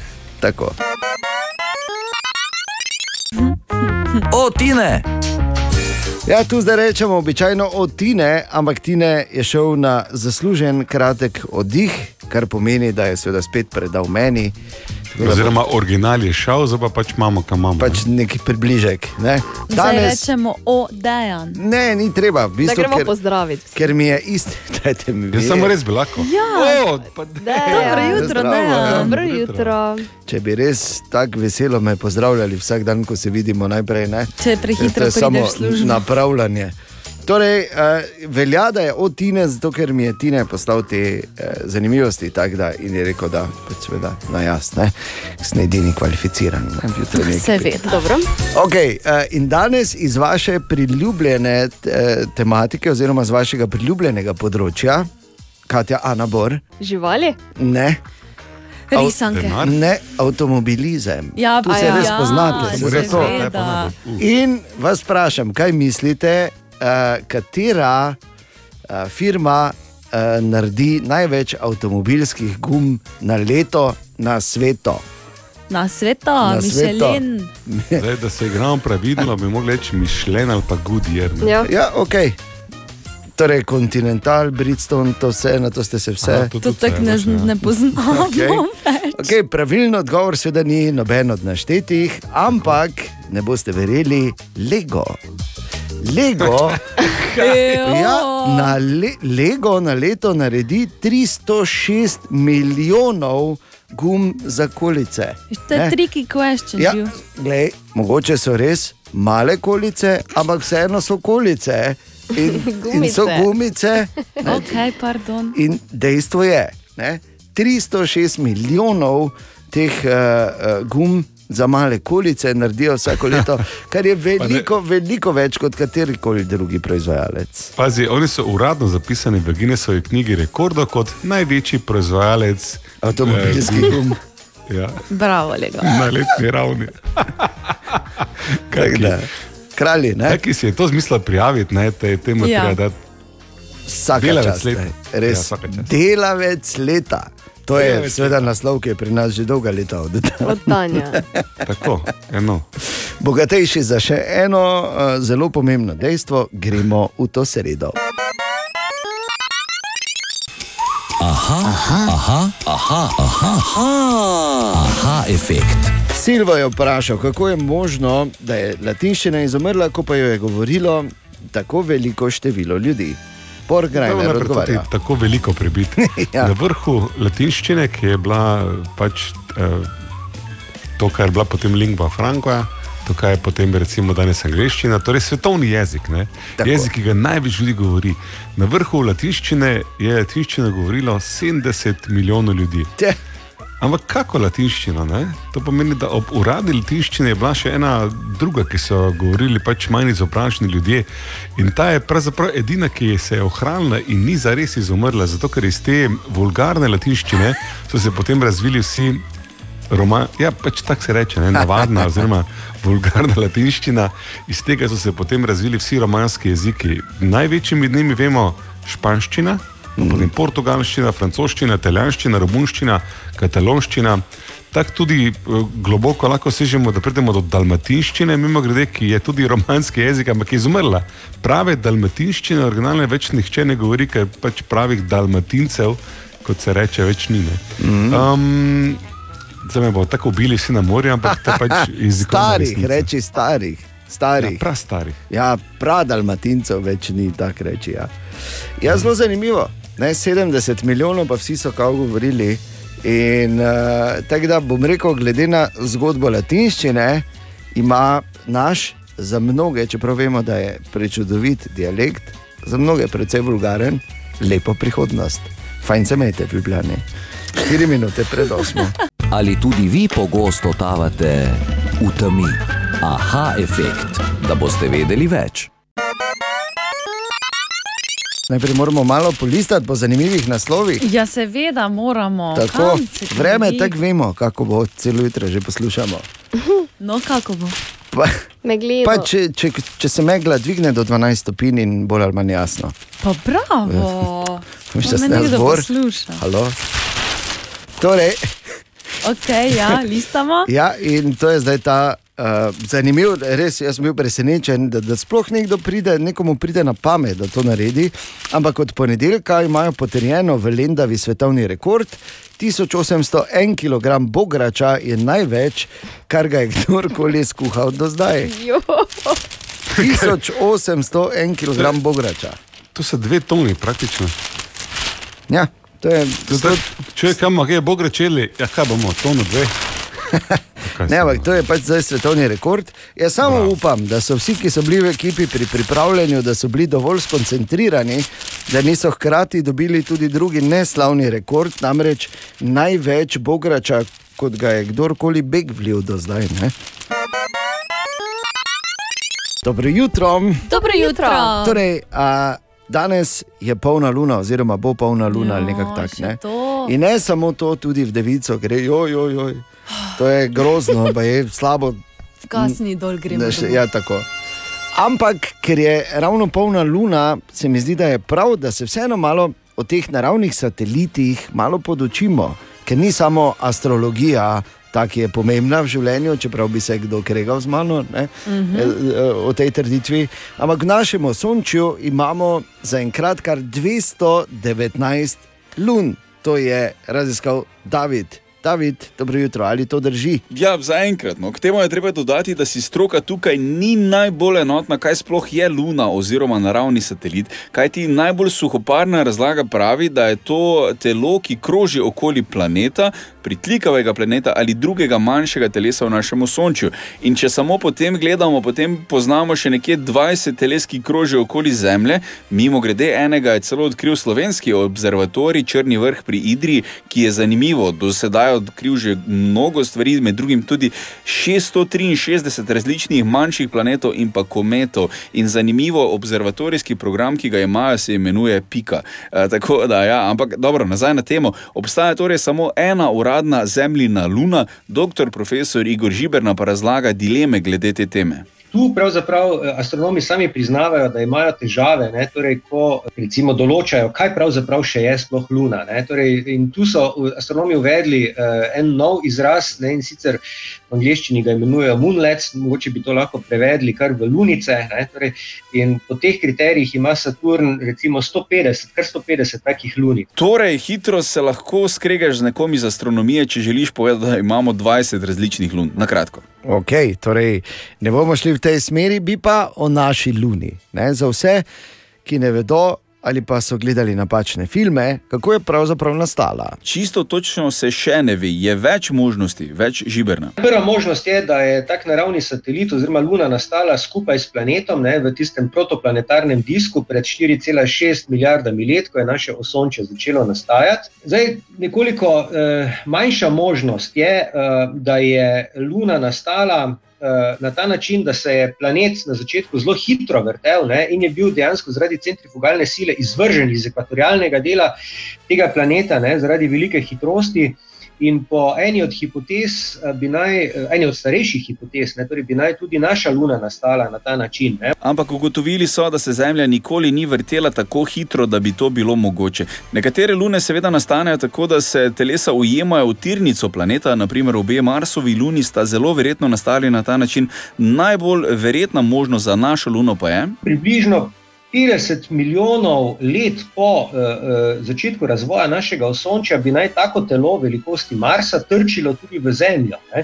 in na ta način bi naj nastala naša Luna. Zdaj, uh, kako je bila pravzaprav ta hipoteza razvita? Potem, ko so analizirali kamenje, nekaj 100 kg kamenja, ki so jih sonde Apollo prinesle iz Lune, na ta način posredno dobili podatke o zgradbi lunine notranjosti. Ne? In ugotovili so, da je za Luno značilna sorazmerno debela plast skorje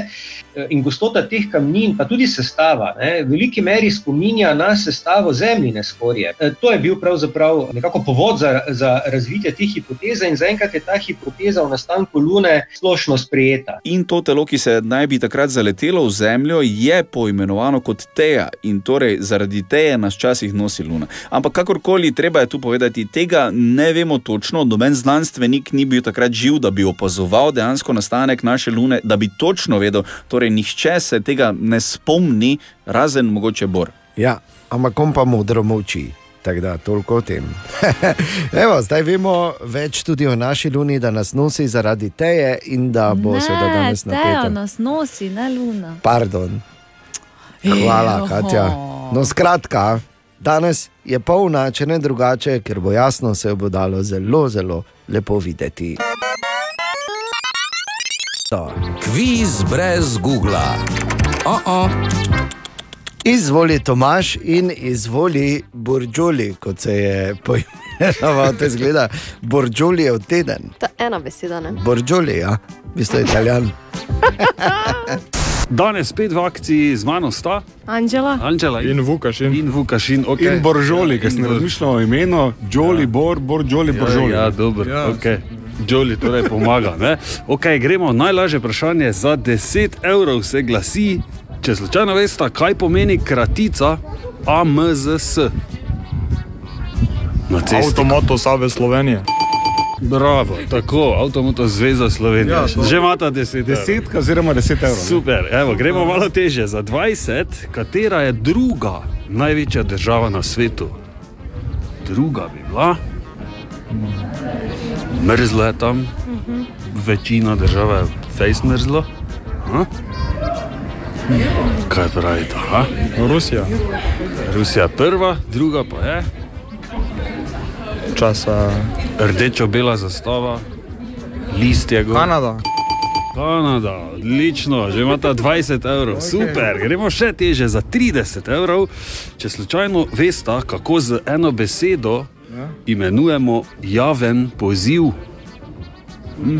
Klic, uh, javen poziv. Ja. Za eno besedo. Ja. Ne pozabite, da imata Jolija. Če slučajno. Aha. Joli vedno ve, tako da se lahko zanesete, ni problema. Ja, ja, ja. Vzamemo Ja, Jolija. ja, pravite. Ja, vzamemo Jolija. Zameta Jolija, Joli poskusi. Evo, Boržolija, apel. Apel, bravo, apel, super, bravo. Evo, Jolija sta porabila. smo jači, kaj je, kriva se. ja, tako 30 evrov že vajnih in najtežje vprašanje za 40.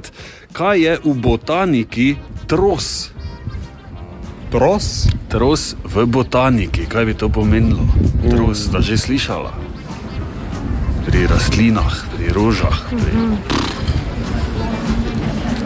Eh? Tros. A? Mhm. Zgubiti ne morete več Ja, ja, nič, vem, da vem, lahko vem. poskusite, če se vam kaj sanja. Jolija pa več ni. Ja, ja, Žal. Mislim, je, samo ne sme. Ja, ne sme. Ja. Ne, Trnje. šla- Ne, Ne vem. Ta, ta, ta beseda mi Ne ni vedela. znana. Ni nam znano. Ne bi vedela, Ne. zaključimo. Zaključimo. zaključimo. V redu, čestitke, 30 evrov je vajnih, tros pa je celica za nespolno razmnoževanje. Ja. Tako pri gobah. Ne? To, To pa nisem vedel. Tomaš, prosti, mi se razmnožujemo samo spolno, veš. Ja. Okay. Hvala vam za igro, 30 evrov, čestitke. Hvala. Adijo. Adijo. Da ni Borđoli malo humor, humorist tudi zraven, ne? Ja, ne. Pa viš. poliglot, pa vse imaš lepo, lepo. Borđoli. Kaj jutri pa petek tudi lahko pričakujemo, da bo zraven? Če Borđoli je teden, kaj A zdaj? Borđoli je teden je celo. Oziroma, pardon, kot on sam sebi reče, boržu.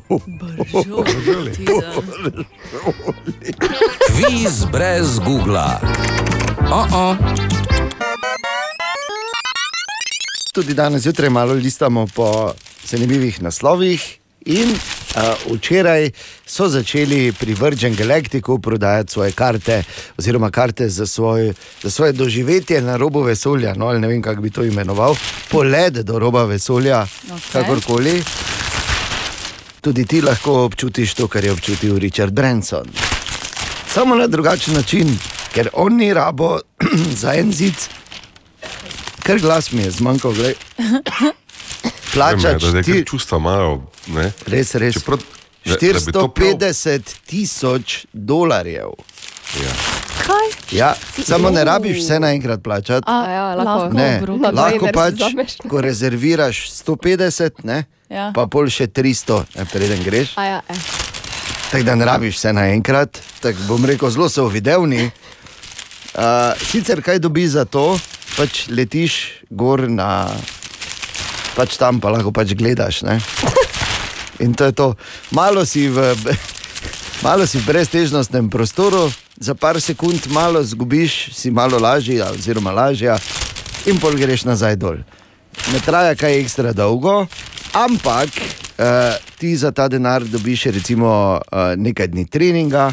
Ne, dobiš uh, v trajno last uh, posebno vesoljsko obleko od Under Armourja, možnost, da kupiš posebno edicijo Range Rovera in sicer tako imenovani eh, Astron, Astronaut Edition, kot jo imenujejo. Res? Ja. In pa verjetno uh, ne preveč dobro hrano med poletom. Ne? Če, če pa že kdo hoče še. In ti si na cena zmrduješ. Mislim, veš, Ja. ja. lej, zaradi takega pristopa ne, ja. imamo mi potem slabo ekonomijo. Ker tu se prije noter, se reče zdravo, dve do Saturna, povratni. Hvala. Žal ne gre do Saturna, ampak samo na rob vesolja, pravzaprav niti vesolje. Ne? Um, je pa res, da uh, so zanimivo, ko so začeli prodajati te karte, so delnice Virgin Galactica uh, se dvignile uh, do neslu, mislim, neslutenih višav, ampak so takoj skočile za 32%, kaj ti, pazi, ta ponudba ne nagovarja slehernika, ne, ne nagovarja tebe in mene, morda Mhm. Grajnerja. Mhm. Ja. Ja. Morda njega ne nagovarja nas, ampak nagovarja uh, zanimivo tržišče, sestavljeno iz približno 1,3 milijona milijarderjev, ki so ta trenutek na svetu. Ja, glej, ni malo, denarja ne bor. Kaj lahko Ekskluzivni gremo klub. dalje? Ja, gremo dalje. Ne. Ampak samo pač pravim. Preveč. Web, web, web check. Katja, dobro jutro. Dobro jutro. jutro. Jutro. Torej, v Britanskem muzeju World of Stonehenge si boš lahko po novem ogledal prvo človeško protezo. Ah, kaj so ti prvo menjali, Bor? In kaj se je prvo obrablo, da so ti morali še enkrat dati not? Našli so. V bistvu gre. letih. n- Ja. No, ne. Koliko je stara? 3500 let. Aha, okay. Gre pa za nadomestek roke, v bistvu, Mhm. da ne bo kakršne koli pomote. Ja. In eh, zaradi ostrih konic prstov, znanstveniki menijo, da so to protezo v bistvu uporabljali tudi kot nož. Seveda. Je imel kar ne, hopa, hopa. Zakaj bi, Bor, od nekdaj si bil praktičen, bom pa samo rekel, da je pač zelo zanimivo, kako daleč so to potem pesi odvlekli tam iz uh, delte Nila, vse do Anglije. Ne? Bom samo rekel, vem, kako zveni, ampak bilo je ful uporabno za rezanje sadja in zelenjave. Da ne bo imel kdo kakšne ideje. Okay. Mhm. Splet je še vedno poln mimo 50 centa, ki je nastopil ob, pol- ob polčasu na Super Bowlu in se je več kot očitno zredil. No, uh, 50 cent je zdaj te mime izkoristil v bistvu v svoj prid, pozornost svojih fanov je usmeril v to, da je v bistvu naredil promocijo za svojo linijo. Za špeh. Ne, A ja, ne zaš. Okay. za svojo linijo G-topov, torej te A. Majice, ki jo je imel oblečeno okay. na nastopu.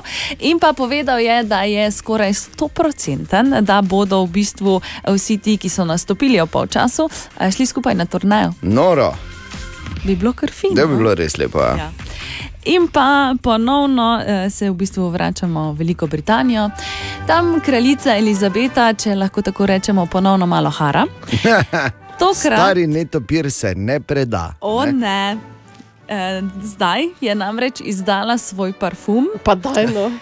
In e, to ne kakršnega koli, ampak v bistvu parfum za pse. Res, E, z imenom Happy Hound Dog Cologne res.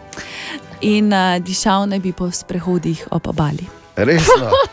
In nanašati ga moraš na jajce, ne? da tako lepo komiga z repom, da raznaša okoli. Ne? Webcheck.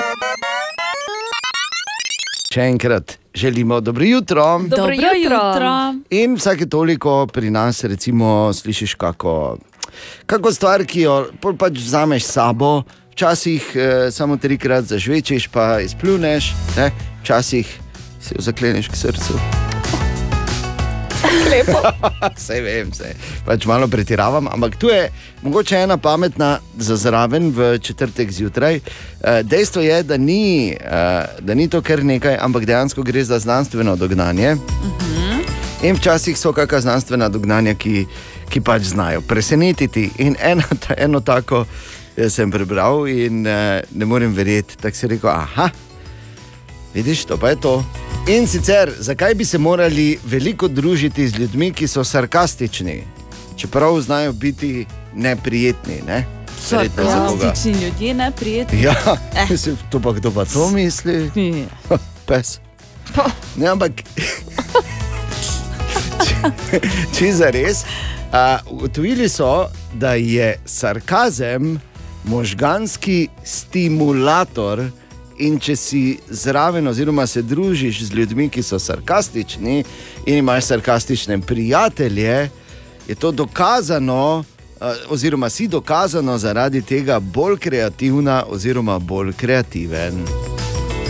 Tako da, eh, ne glede na to, da ti grejo na živce, ali pa so včasih malo grobi v svojih ocenah dane situacije, ali pa danih posameznic in posameznikov, moraš vedeti, da ti v bistvu pomagajo, da si kreativnejša oziroma kreativen.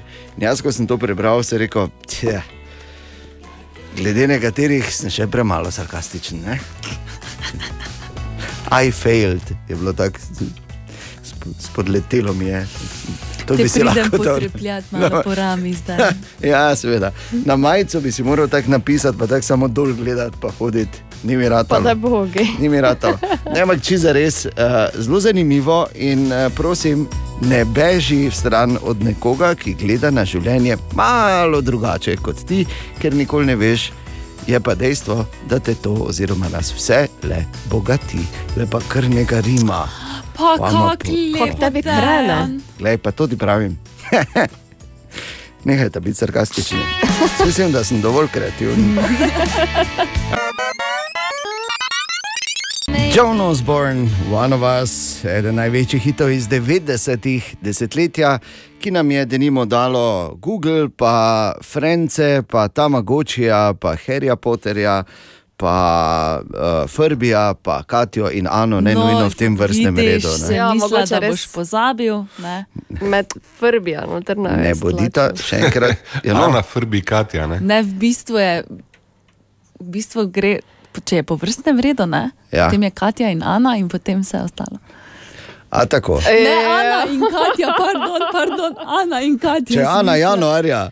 Ja, ja, Ana in Katja in potem Ne, ne, ostalo. prva velja, druga se v kož da. Vse si povedala, gledaj, ta prleška samozavest.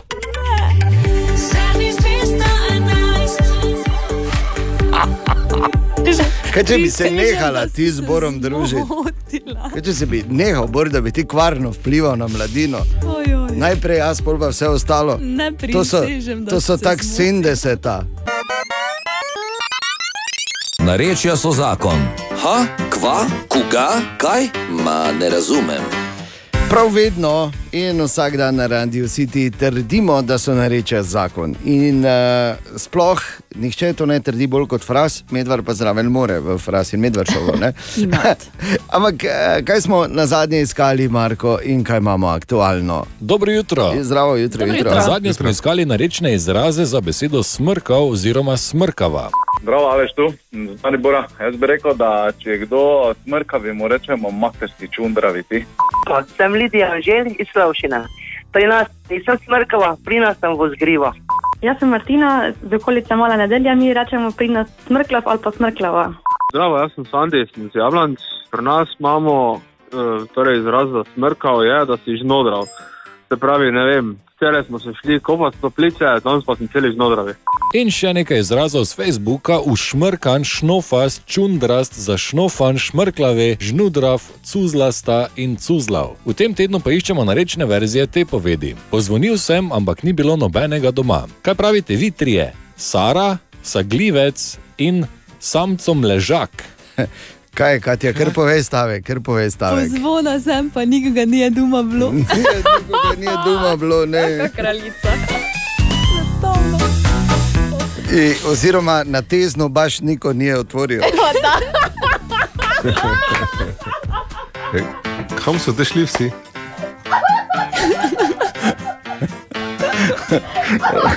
okay.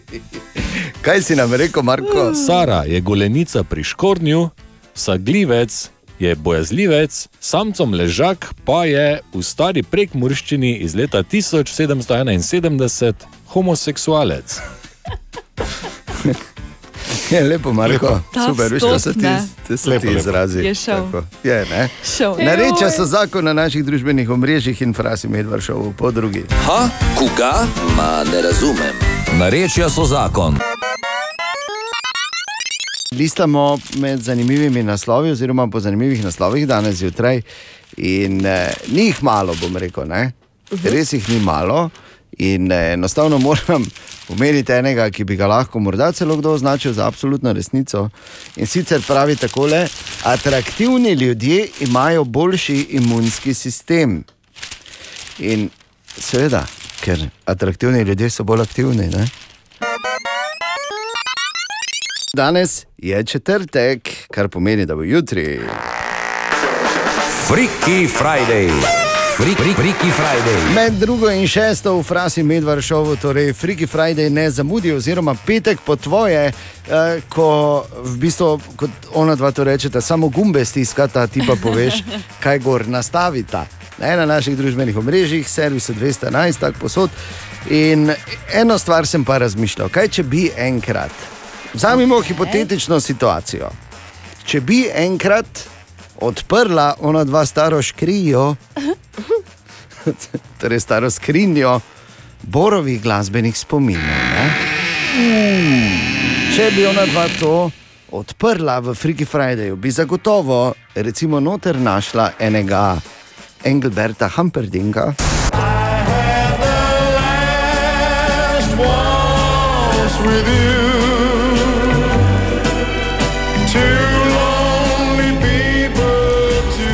Zagotovo bi našla ob eh, njegovih ukradenih poloverjih enega Berija Menilova.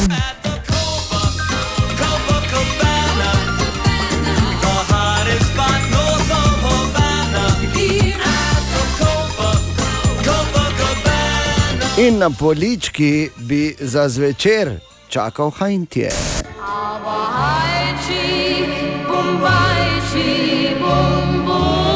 Abor, kako bi to bilo res zelo lepo. Ne?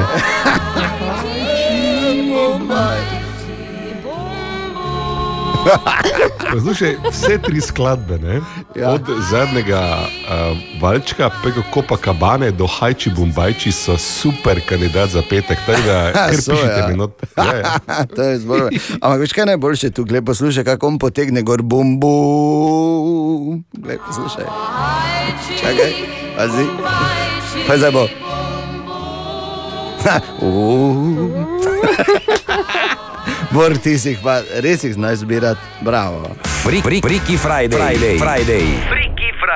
O, fras, o, medved, o, poslušalka, o, poslušalec. Vsak petek med 14 in 18 lahko v fras in medved šovu poslušaš, kaj ti paše. Zakaj? Ker je petek, ker lahko. Ker ima vsak svoj glasbeni okus, ker lahko zaplešeš na to. Medtem ko v avtu čakaš malega, da pride s trening, recimo. In kaj bi ti poslušal?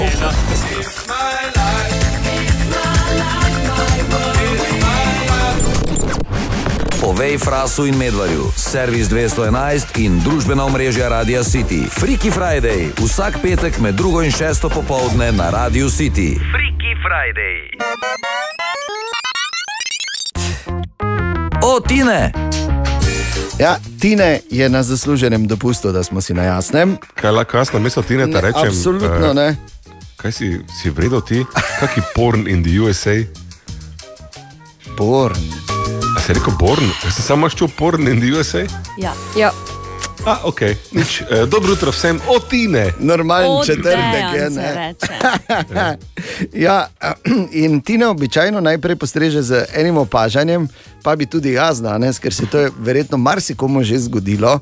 Veš, ko imaš v službi pač eno tako čajno kuhinico, ne? Mhm. če že nimaš menze, ne? kamor hodite na praktično zastojn malco. Mhm. Um, in pol veš, tam so pač šalce, ne? in ko si kdo kavico naredi, pa pol seveda očisti za sabo. Ne? Mhm. In pol kdo recimo, ne, se zgodi zgodaj zjutraj, ko si fej zaspan in te recimo sodelavka preseneti z vprašanjem. Nepričakovano, eno uro recimo pred običajnim terminom, kaj bi ti kavico, grem zdaj kuhati. Yes, ja, to. A!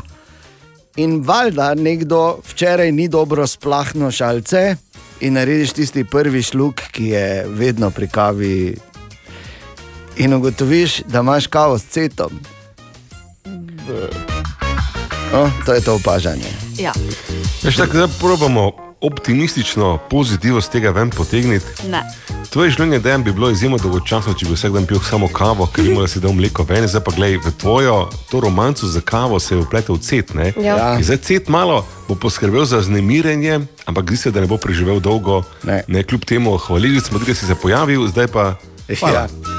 Bom rekel tako, uh, ni kratko je bilo obdobje eksperimentiranja, ki so ga imeli jaz in kava. Noter ne. se ti peni. Ja, ni, ni fajn. Um, drugače pa ti ne mi je poslal to zanimivost, da če bi rad manj pojedel, moraš imeti večji beštek. Se pravi, več, večja žlica in večja vilica kot je, manj poješ. Kako je to logično? Ampak zakaj? Ja? Ker bi rekel, ajde manjši krožnik, razumem. Ne, ne dati. manjši krožnik, večja žlica, oziroma večja vilica, večji nož, večji beštek. Ja, Ja, verjetno dejansko, ubiješ, medtem ko ješ. ne, ne, dejansko pravijo, zaradi tega, ker če imaš male vilice, imaš občutek, da, da, da, da, Da enostavno še- da še si, ne dovolj, daš, ne? ja, si ne daš dovolj v usta. Ne? Večji, vili, večji beštek, oziroma večji pribor, še enkrat rečem beštek, pa se grem Res, samo ja. spustiti, presežem, kako ogaben izraz je to. Um, Res, eh, pa seveda da občutek, da ješ dovolj, da ne rabiš toliko, in je pač en, en taki, pravzaprav life hack za to, da manj poješ. Tako da jaz bom probo najprej štih lopato, pa grem kar na pikas. Včeraj so še zadnjič igrali v Ligi prvakov naši eh, mariborski odbojkari Merkurja in proti izjemno močni ruski ekipi Lokomotiv Novosibirsk izgubili tudi tokrat s 3 proti nič. No, Liga prvakov je torej zdaj za naše odbor, odbojkarje končana. Takoj po tekmi pa smo se pogovarjali s trenerjem mariborskih odbojkarjev Sebastianem Škorcem, ki je tako povzel tekmo. Mi smo danes odigrali eno boljših tekem, žal izgubili. Moramo se pa zavedati, da smo bili na nasprotni strani ena najbogatejših ekip, druga ekipa ruskega prvenstva. in vemo, da je rusko prvenstvo zraven italijanskega in pa polskega prvenstva najmočnejše. Mi smo dobili skupino smrti, tudi če bi kakšnega lažjega dobili, bi težko parirali na tem nivoju, kajti vemo, so to, kakšni so to vložki in tako naprej, da ena ekipa ruska je samo za tri čartere porabila v evropskem tekmovanju toliko, kot mi skoraj v, v celi sezoni. In uh, dejansko po, hočem povedati, da smo odigrali proti vice prvaku uh, klubske svetovne odbojke, to je Lube, ki bo, po mojem, je to največja zvezdniška ekipa, ki je bila z nami in v naši skupini, potem Zaksa, ki je lansko letni evropski prvak lige prvakov in pa ti Rusi, ki so drugi v prvenstvu. E, tako kot sem rekel, to so tri najmočnejše lige in to smo mi dobili v skupini. Tako da potegnemo črto, moramo s tem biti vsekakor zadovoljni. Fantje so se učili, dali so svoj maksimum. No, ampak eh, vseeno smo upali na presenečenje, v odbojki pa je kaj takega zelo težko. Samo ne moremo se mi pogovarjati o nogometu, pa o odbojki. Zato, ker v odbojki moraš ti 75 krat prebiti blok, 2 metra od 15 ljudi, v nogometu pa lahko odigraš bunker in daš gol. Tu je razlika v teh športih. Tako kot v košarki ne moreš odbiti žog, če imaš noter 1,80 m ljudi, tam pa 2,20 m ne moreš parirati. Zato je odbojka na drugačnem, eh, drugače kot pa nogomet. Normalno, da je nogomet je tisti šport številka ena, spoštovanje do vsega, ampak ne moremo vse športov primerjati, da v nogometu lahko narediš presenečenje. Ja, v nogometu se naredi. V nemški ligi pokal izpade eh, prvak, v, v, v francoski ligi izpade prvo ligaš proti drugem, tretji v odbojki. Zadnjih 6-7 let ne pomnim, da bi Kiri, Kiri naredil presenečenje v pokalu. Tega ne obstaja v tem športu. No, in eh, kaj so se torej eh, fantje naučili od tega igranja v Ligi prvakov? Te kaj smo se naučili? Recimo, če mi primerjamo eno mevzo, eno slovensko prvenstvo, pokalno tekmovanje, se servisi letijo na 80 km/h, tukaj letijo tudi po 110-120 km/h. Znači, začetni udarci so dosti, dosti močnejši. Prebijanje bloka, ki ste videli danes, 2,10 m, 2,8 m, 2,7 m, igralci, ki moraš prebijati blok, kar je na visoko žogo zelo problematično. V slovenski ligi ni takšnega bloka. Normalno, da tukaj lahko zdaj naštevam in nam debatirava še dve uri, e, naučili smo se določene stvari, sedaj to sedaj znanje, mislim, prenesti v, v slovensko prvenstvo in pa v Mevzo bomo poskusili narediti, ampak vsekakor ne gre to zdaj. Zdaj smo videli dve, tri tekme, zdaj pa mi to znamo. To je isto, kot da damo učenca v prvi razred, pa ga pustimo eno leto, pa rečemo, "U, super, ti znaš, pa si devetko končal, ne, ne gre. Tako slikovito, torej Sebastian Škorc, no je pa opazen napredek kluba oziroma odbojke v naše mesto, to pa lahko rečemo. Če se vrnemo nazaj 8 let, nismo obstajali niti na slovenskem zemljevidu ali pa 10 let. Danes igramo Ligo prvakov. Je pa res, da okolje, če se hoče to nadaljevati, bo moglo stopiti skupaj na tak način tudi kot je v Ljubljani. Ker tam ljubljanski šport ali pa mari šport je vsekako razlika, seveda nam pomagajo tukaj normalno ljudje v, v mestu in tako naprej, ampak če se hočemo iti tisti nivo, kaj se grejo v Ljubljani, tako kot imajo košarko, CD-vito Olimpijo, vemo, o kakšnem proračunu se pogovarjamo, vemo, o čem se pogovarjamo, o odbojki, vemo, o čem se pogovarjamo, o krimu in tako naprej. Mi pač tukaj kot entuzijazem se lahko neke, do neke mere gre, da bi pa se pariralo z ljubljanskim športom, dejansko se ne da z proračuni in pa normalno v Evropi pa daleč od tega. Ampak naredili smo veliko delo, sedaj pa na nas normalno da to nadaljujemo in da probamo držati eh, priključek najboljšim ekipam, seveda zgled Evropa in pa normalno v slovenskem prostoru. Tako torej, trener, zelo uspešen trener naših odbojkarjev, tudi legendarni mariborski in slovenski odbojkar Sebastian Škorc. Uh, Sveda celoten pogovor pa lahko še enkrat poslušaš ali pa slišiš na našem SoundCloudu. In, in zdaj ga grem še enkrat preposlušati, ker sem jaz včasih igral bojko, ampak se nikoli še nisem toliko naučil v dveh, treh minutah. Samo ena stvar bi rekel, ne, da mi, ko smo igrali, si tem rekel kitajski zid, veš, ko je taki blok, ko ne moreš iti skozi. Vidiš, ne, je že znanje zastarelo, to je po novem ruski zid. ja, to si se zdaj lepo si se preklopil, čestitke. Kviz brez Google. Oh -oh. Oziroma v tem tednu bi lahko rekli Tomaš in Boržoli. Tako je. zakaj, bor, zakaj za Ž? Ker je Bor Joli ne, in potem posloveniš Bor Ne, Joli. ne, ne, to ni poslovenjeno, to je nekaj drugega. Tomaš. Danes v akciji z mano je Daniel, Daniel Servus. In Boržoli, zdaj že vemo, Ja, Joli, dobro. Bor, Boržoli. Joli, to je Joli, Joli, lahko uporabiš ko, Ja. Enkrat. Takrat, ko ne veš, ti pomaga in je to to. Ajde, gremo za 10 evrov. Najlažje vprašanje, iz katere države je smučarski skakalec Ryoju Kobayashi? Japonska. Japonska, bravo, ne, se sliši. Ne, tak, že na prvi posluh, 10 evrov je že tvoj. Gremo še težje. Si videl? Noro. Že imaš. Za 20. Kako se imenuje kraj v Egiptu, kjer se nahajajo grobnice faraonov in plemičev? Si že kdaj slišal? Mhm. Aleksandrija. Ne? Narodno te vprašal, tam Nerod. ko je največ pokopanih, starih eh, Faraonov, tudi Tutankamon je tam eh, imel grobnico, oziroma ima še. No. Ja. Boržoli ve, ne, tako samo me rečeš, boržoli in, jaz in povem. Ne. A, kaj praviš? Turistična točka, tudi vsi grejo tja gledati te stvari. Kajro. Tako je full dolge stopnice. Ok, blizu je Kairo, no, Blizu ne Kajra, morem- je, ja, ja. Samo ima eno ime posebno. Uporabiš Julija? Ja. Mogoče pol bo ti Zdravo, za 30 let. jaz sem Boržoli, odgovor je Dolina kraljev. Dolina kraljev. Bravo, evo, že imaš 20 evrov, hvala Boržoli. Jolija si zdaj porabo, tako da za 30, da vidimo, mogoče bo lažje to za tebe. Katera beseda je knjižna sopomenka besede napev? Če pomisliš na opero, Gospel? Ne. Še ti dam en namik na A. Ne pozabi, opera pa A, če ti kaj klikne. Kaj je beseda? Vaš ti to? Na- Napev. So pomenka besede napev. Ne bi Ja, šlo, ne, ne, ne bi ne. šlo, zaključimo. Zaključimo, čestitke 20 evrov tvojih, super, te pa Arija. Arija, so si pa že slišal, ne? Ne. Nisi še, a te pa nisi mogel vedeti. Dobro je, gled, 20 evrov tvojih, lepo bodi, adijo. Hvala. In še najtežje vprašanje, kdo je avtor romana Nana? Hm? To zagotovo jaz ne bi rabo Boržolija.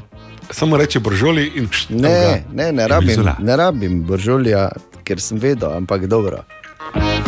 Zdaj, kak je pameten zraven, ker je bil, Seveda, sta... vse naprej, eh. Ja, če to je Samo, cela... samo, viš, čakaj, čakaj, ne pridem gremo dalje, viš, to je pa splošna zmota. Joli ne pozna odgovorov naprej. Joli je samo pri roki, da pomaga iz lastnega znanja. Če hitro googla, je pa to druga stvar. seveda. A tako da ni nujno, da žoli. Ne, ni nujno, da Boržoli. Joli ali katerikoli Žoli. drugi Joli ali celo Boržoli sam to ve. Ne? On pač Sta tvega, pa, reče sta Boržoli. pa začela z, sta načela zanimivo temo Dolina kraljev. Veš, kje je najdaljša vrsta v Dolini kraljev? Kje je? Na VC-ju. Zato, ker komaj zdržijo na avtobusu, ker zelenjavo, amaterke, stare avstrijske jejo. ne. In pol, Stare avstrijske pa dobro, no, amaterke, ta-. Taka je moja izkušnja, pač tam pa sem dvakrat bil. Ne jejte zelenjave. Ja, ne, ker- ker- In ne Ne, bodi. ne jete sveže zelenjave. Sveže, ne. sveže, ja. Sveže, sveže. Ja. Ne bodi amaterska. In ne pomaga, tisto je samo laž, 0,3 vsako jutro. Ne? Jaz sem probil tudi z več, ne dela. Kviz brez Google. Oh -oh. Tudi danes zjutraj malo listamo po zanimivih naslovih. In eh, danes ne bi toliko o enem naslovu, ampak o enem spoznanju, ko sem na vse zgodaj zjutraj eh, hodil v službo, sem eh, se malo s- pač celo dvignil glavo gor in se skoncentriral na stvari okoli mene, Ja. kar je v bistvu tako zgodaj zjutraj, kar dosežek. Ne? Res Da je. opaziš nekaj, razen pač teh nujnih življenjskih funkcij, ki jih vzdržuješ. Tako. In da se naglih zakolješ do amena, preden priješ do. Kar se je tudi že zgodilo. Ampak eh, in tam si videl poleno reklamo in se rekel, in sem imel veš tisti moment, evo ga moment, to je to, to je to. In sicer so plakati za uh, pač eno uh, razstavo, uh, hib, za hibridno muzejsko razstavo, ki od, jo od 8. februarja lahko gledaš na posestvu Meranovo. Mhm. Ne? In tam je slika nad Vojvoda Janeza in se rekel, evo, Bor, končno si našel tvojo idealno frizuro. Na Janeza me dajte, reče naslednjič, ko greš. Web, web, web, web check. Dobro jutro, Katja. Dobro jutro. Dobro jutro. Dobro jutro. V Liverpoolu bodo prihodnji torek odprli razstavo, na kateri bodo na ogled postavili zvezek z na roko napisanimi besedili pesmi Beatlov. Lepo. To je en tak uh, zgodovinski moment. Ne? In uh, enkrat bo ta zgodovinski moment tudi tu v Mariboru, ko bodo uh, Borove stare zvezke odprli. A ja, mislim, da vaše časovno kapsulo. Ta pa A ja, težka, ne, ker tam če na sem bil roko. znanje, da sem recimo celo srednjo šel z enim zvezkom skozi. Joj, V osnovni šoli, ko sem imel pa zvezko, še da- Še blevni. Blevni. Ste čuli še blevni? blevni. blevni. Okay. Boržoli blevni. To si ti že, da imena se kar kopičijo, bor. Okay. O, um, znanstveniki iz, iz Univerze Georgija so ugotovili, da se je količina prodanega sladoleda, piškotov in pa slanih prigrizkov močno povečala v državah, kjer so legalizirali marihuano. To, to pa je eno od večjih presenečenj. Ja. Eh, Dejan Pasto, vem, ima vsaj že 40 let. Videl sem mimo grede, v, uh, bil sem na eni virtualni turi enega takega uh, kanabis šopa v Las Vegasu. Mhm. Pač slučajno sem prišel do neki link, pa pač, si pač klikneš, gledaj, veš, ko Ja, pač, ko pač klikaš. človek je radovedna opica. pa pač klikne, Ja, ne? razumem, Absolutno. In imajo, veš, kako imajo dobro narejeno. Ampak pazi, ne zdaj, ne govorimo o konceptu, govorimo o posebno legalnih stvarih tam. Okay. Ne samo kako imaš sortirano po sortah, proizvodih in tako dalje, pa imaš vse, pol imaš pa taki lounge, ne, ki je podaljšek trgovine, in pol imaš pa restauracijo, oljokenit restauracijo, ki je podaljšek tega lounga in del celega kompleksa. Veš, tako da lahko, ne? Ja. Tam si kar lahko, ne, bom rekel. Vse lahko zrihtaš, bomo rekli. Ja, in greš ob 9, 10 zjutraj, pa greš čez dva dni domov. Recimo, ja. In pa podjetje Uptime App eh, se podaja v še eno zanimivo raziskavo in sicer želijo namreč ugotoviti, v kakšni meri točno uporaba družbenih omrežij vpliva na našo produktivnost. Zato iščejo posameznike, ki se bodo za dva meseca odpovedali uporabi družbenih omrežij in bodo zato dobi, dobili 2000 ameriških dolarjev. Jaz bi rekel, da tako zdaj razlagaš, bi to bila za mene najlažje zaslužena dva Jurija v zgodovini. Ne, dejan. Ti Ne? ne, moreš sodelovati. Zakaj ne? Zato, ker lahko sodelujejo samo tisti, ki res radi uporabljajo družbena omrežja. Posebej jim jaz rekel, da Ja, je full rad. Jaz bi jim rekel. Jaz bi rekel, gledaj, veš, kaj jaz rad, jaz full rad. Jaz takrat, da niti nimam, ne. Instagram, pa imaš zadnjo sliko iz Pa, 2018. ampak veš, kak sem jo rad dal? Mislim, full rad. Tako da, če rabijo koga, ko ima rad, da mu dajo dva Jurija. Ne, verjetno da si kar nekaj tam zunaj. Ja, zanimivo, no? uh, poročaj o rezultatih, ko bojo. Webcheck. Dobro jutro. Ja, dobro jutro. Dobro jutro. Ja, ne samo novi singli na Radio City, kmalo tudi novi mostovi oziroma nova brv uh, v našem mestu. Ta sicer vsaj strokovno javnost precej razdvaja, ampak eh, če že čez leto dni boš lahko najprej rukno na levem bregu lepinjo, pol boš pa šel prek še na ploščo. In ne boš rabo iti po štengah gor in dol, ne, ampak boš lahko šel v bistvu v isti ravnini, v takem napetem loku. To je recimo plus. Ali, če gledamo pluse.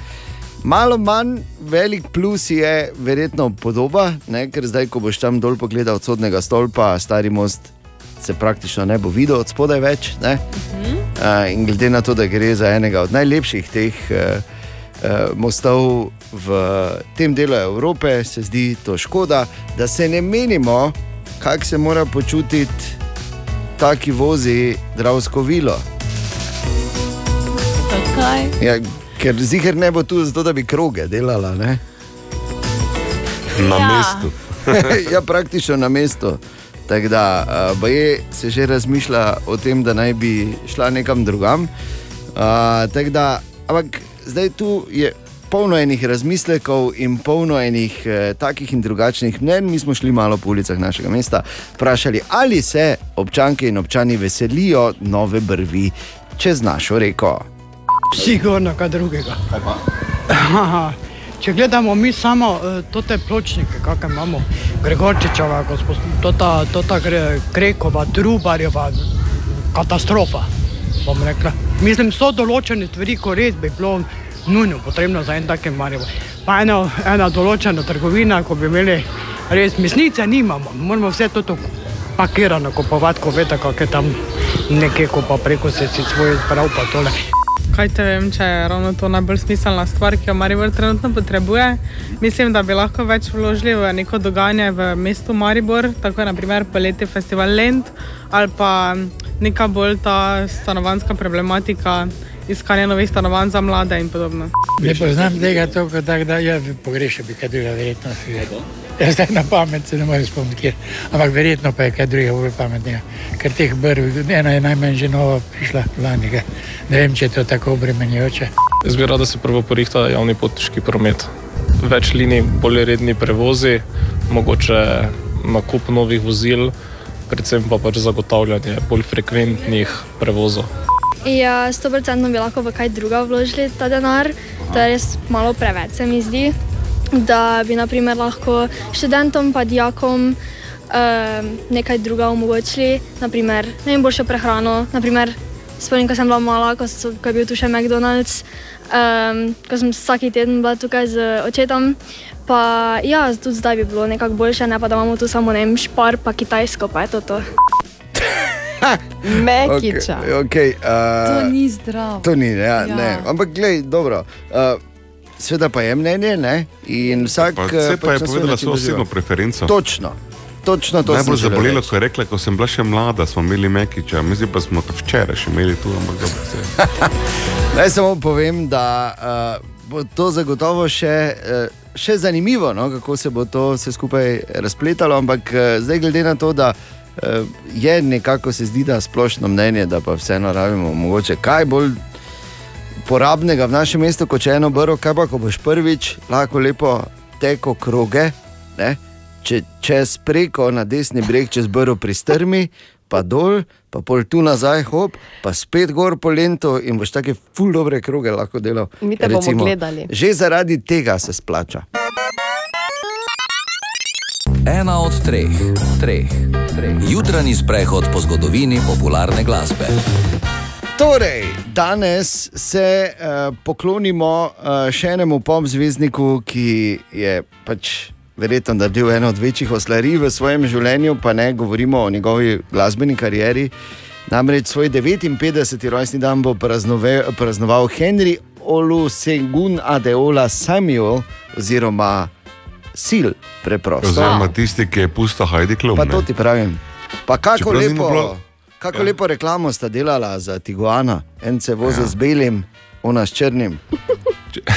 Čeprav tako lahko mu tudi ni bilo, ne? zato ker imaš vedeti, da prva stvar, ko se je zgodila v tej zvezi, hajdi, reče, uf, no, noseča sem, pa on pravi, kaj, res že, ne budalo, za Flavijom sem še. Budalo. Je Ja, mislim, Točno samo citiram pogovor. ja, to še Briatore takrat. Ne, um, Servisiral, bomo Mm, rekli, ne. stari Flavijo, znam tudi. Ne. Ampak, je bila kar ne, Lepo. zapletena romanca. Ja, ampak glej, uh, ljubezen gre čez vse, dokler je več ni, pol pa ne gre. Ampak zanimivo, da je Wow. sila k petju, ja, to je ta resnica. Sila je k petju spodbudila učiteljica že v, v osnovni šoli. Ne? Je rekla, uh, kako pa ti lepo poješ, moj mali Henry Oleseguna Deola Samuel. Ti bi lahko pel, veš, Henry Oleseguna Deola Samuel. Tako, to, to. Boš pevec, Henry Oleseguna Deola Samuel. In je on rekel, ja, in je postal. Ni rekel, ja, jaz osebno nekaj, nekaj, nekaj ja, bom. jaz, Henry Oleseguna Deola Samuel, obljubljam, da bom pevec. Ampak veš, je potem rekla učiteljica Henry Osegula Deola Samuel. Morda, morda bi si izmislil eno krajše ime. Je rekel, ja, res, Henry Oleseguna Deola Samuel je morda predolgo. Bom. Ja, Henry Oleseguna Deola Samuel, prav imaš. Ja. In potem leta kasneje, sil, ki stopi na sceno z DJ-jem Adamskim Mojito Killer.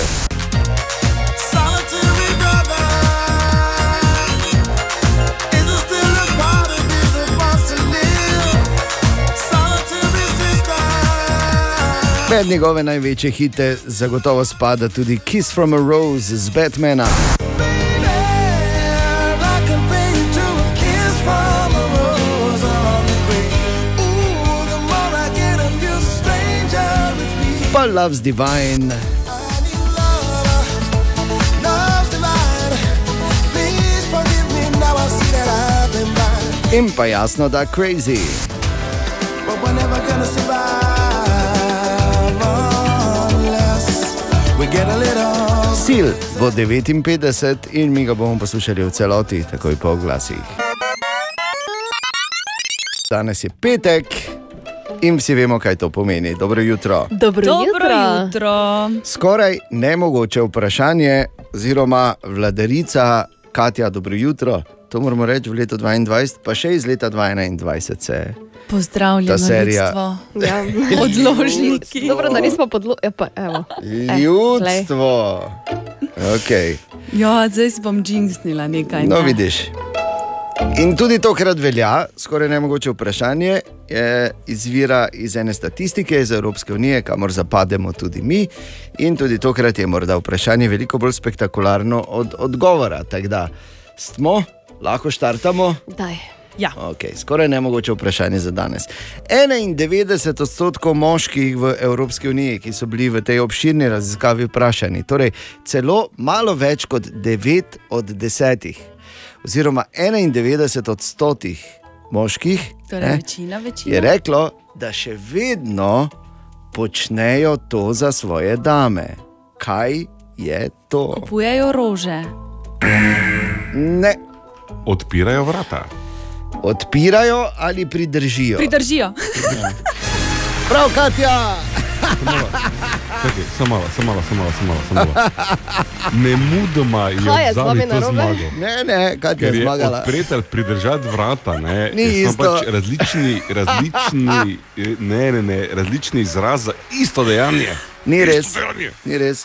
Odgovor je, pridržijo vrata. Za koliko se Hvala, zgodilo? hvala, Zdaj hvala. s transparentom pred Astorijo in se vidimo v 2035. Bor, jaz prijem s tabo, ker... eh, Glejte, samo pač- da ne boste tako žalostno končala. Res. Ne? Da pol na neki točki boste samo štilom zlamanim, tam stala, pa noben ne bo več vedel, zakaj.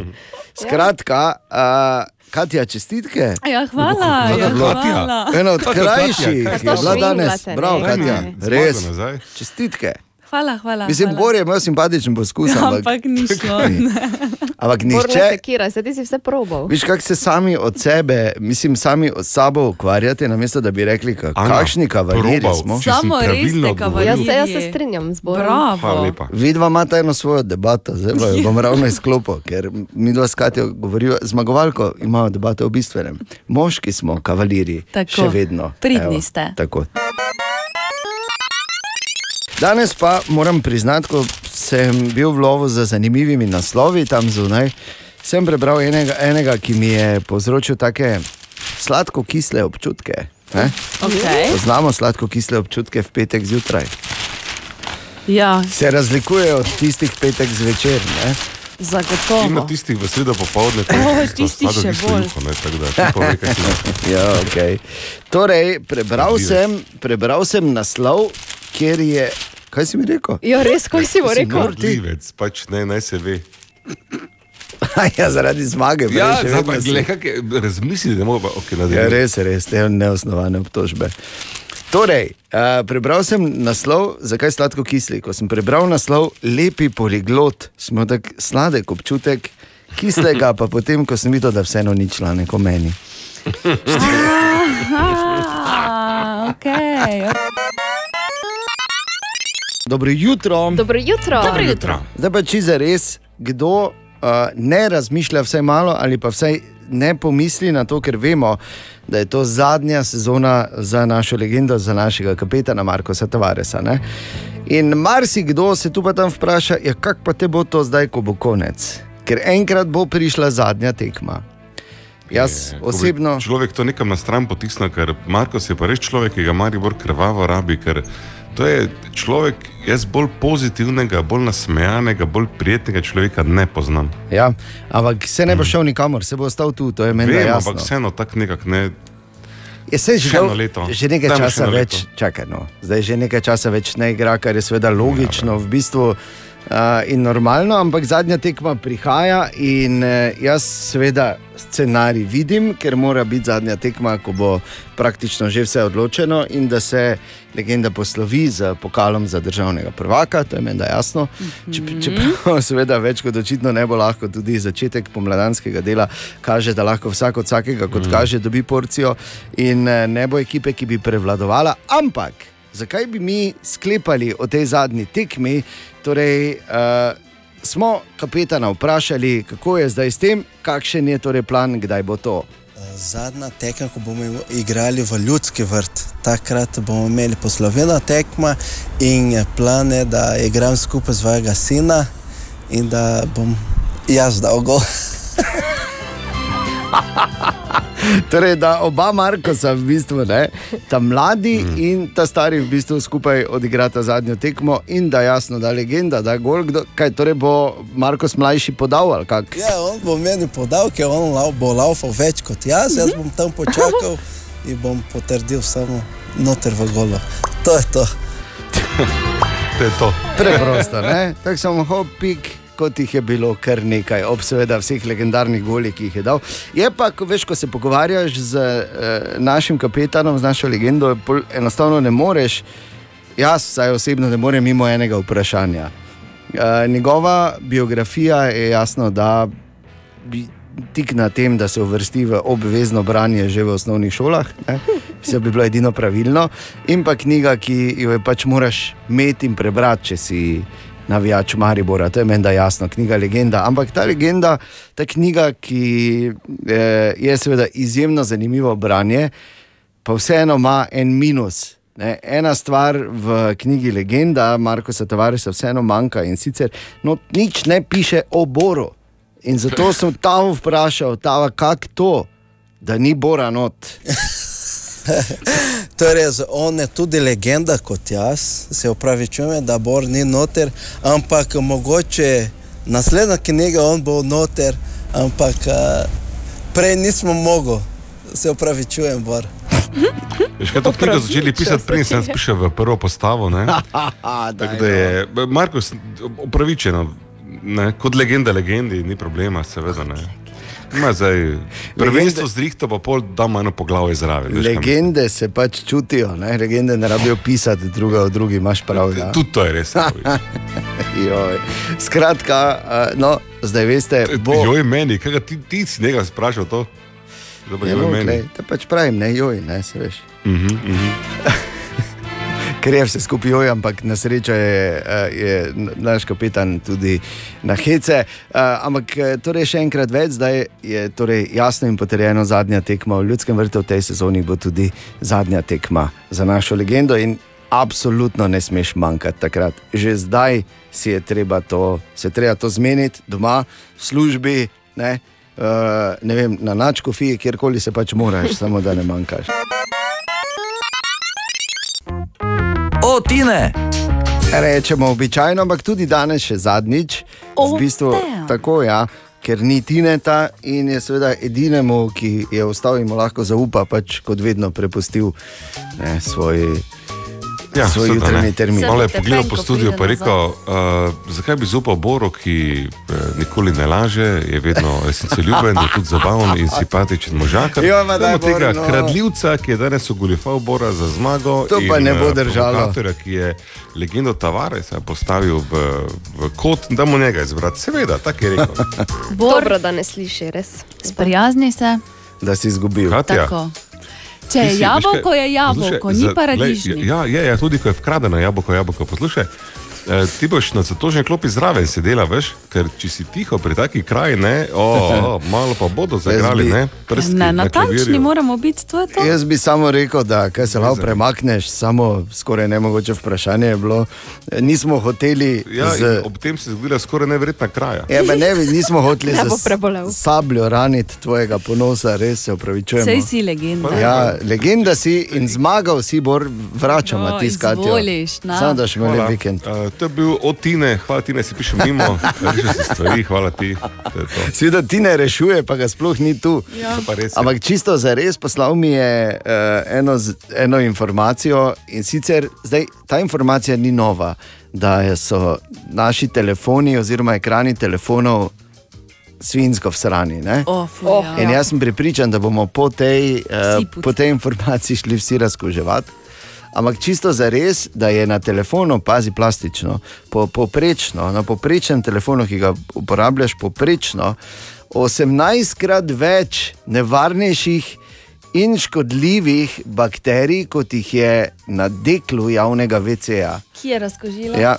Bo, Predstavljaj si, da če pa je tvoj osebni telefon, pa če zdaj rečeš, ali bi šel polizati dekl na javni WC, ali bi polizal svoj telefon, kaj bi rekel? Ja, valjda telefon. Telefon, ne, ker je le tvoj, ampak je poprečju 18krat več svinjarije, boš polizal. Ne za hoditi lizati, mimo grede. Ma pa res, no, ne to sem zdaj ravno htela, da ne Morate razumeti, zdaj... zakaj je tako. ne? Zato, ker včasih, ko sem še jaz bil mlad, smo hodili okoli, si se Pa pač lizali, ne? izogibal posode za arašidi. ne? Posoda za Ja. oreški je no-go. In um, kaj počnemo pač v modernem cajtu na VC-ju? ne, Pač telefon je nosto v roki. Je. Zdaj. Ne Mm. dotikaj se telefona, niti lastega več. Ni glih. Je tudi, Je. ampak ni ravno to, kar sem želel povedati. Ne. Ni ravno to, ampak eh, ja, pa je definitivno, eh, moraš vedeti, kaj imaš v rokah. Ne. Ja. Fajn je In da je vedeti, ja. hujše, kot si misliš, da je samo to. Da, hvala ti ne še enkrat. Aktualne jutranje informacije.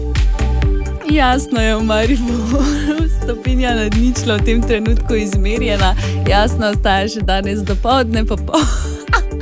Ne, fuj, fuj te vodi. Ne samo povemo, to je zdaj tisti eh, moment bil, ki je recimo meni smešen, kaj ti na njima ampak nekdo pa naj ne, bo, ne ostane neimenovan, je v kamero pokazal zadnjo plat oziroma je olunil vse Kako je ostale. svetlo Nekdo je pač postalo. ne? posegel po ultimativnem orožju v boju za pravico. tak je. O, fuj. Kaj, kaj še imaš kaj zapovedati? Pretežno oblačno bo popoldne, pa veter bo pihal. Pa luna je, ne, smo videli. Aha, aha, aha, aha, aha, aha, aha efekt. In ti mi je vprašal, kako vemo, da so asteroidi res ubili dinozaure. Torej, kakih 66 milijonov let nazaj so dinozauri imeli res slab dan, ampak totalno slab dan. Najprej so bili edino, kar je lahko lezlo in jedlo vse okoli 180 milijonov let, pa so ne, zginili. In zdaj, ko nekaj, kar je tako dolgo, kar tako zgine, potem mora biti nek razlog. In 1980. leta Luis Vanter Alvarez in njegov sin, uh, ki tudi Walter, pač ne, Mlajši. kaj češ zdaj, Walter in Walter, sta um, uh, izdala teorijo, ki je potem pripeljala oba dva uh, do, oziroma vse očeta do Nobelove nagrade. Našla sta tako plast iridiuma, In iridium je ena od najbolj redkih kovin na Zemlji, in vemo, da je, pride vedno z udarcem kakšnega meteorita. In sta potem povezala to plast iridiuma, pa tudi ogromni krater, ki je v Mehiškem zalivu, ki je iz istega časa seštela ena pa ena, pa rekla, to je bil pa en hudičevo velik meteorit. To taki, da so vsi dinozauri, ki niso let, enih pa, ki jih je letelo, je preživelo, eh, poznamo jih danes kot ptiči, ne? vse ostalo pa je bolj ali manj Ja, eh, hvala Bogu, ne, ker so sesalci so pa preživeli do takrat nepomembna uh, bitja, v bistvu, ne, ki so bili v bistvu niti ne uh, glavni obrok, ampak priloga. In uh, zdaj pogledaj nas danes. Je pa še ena druga možna razlaga, zakaj so naenkrat zginili dinozauri, ker je pač uh, se Windows obesil, ne, pa je bilo treba igrico na novo štartati z drugimi parametri. Ali tudi vi pogosto totavate v temi? Aha, efekt, da boste vedeli več. Dobra, mali in stari. Podcast jutranje ekipe.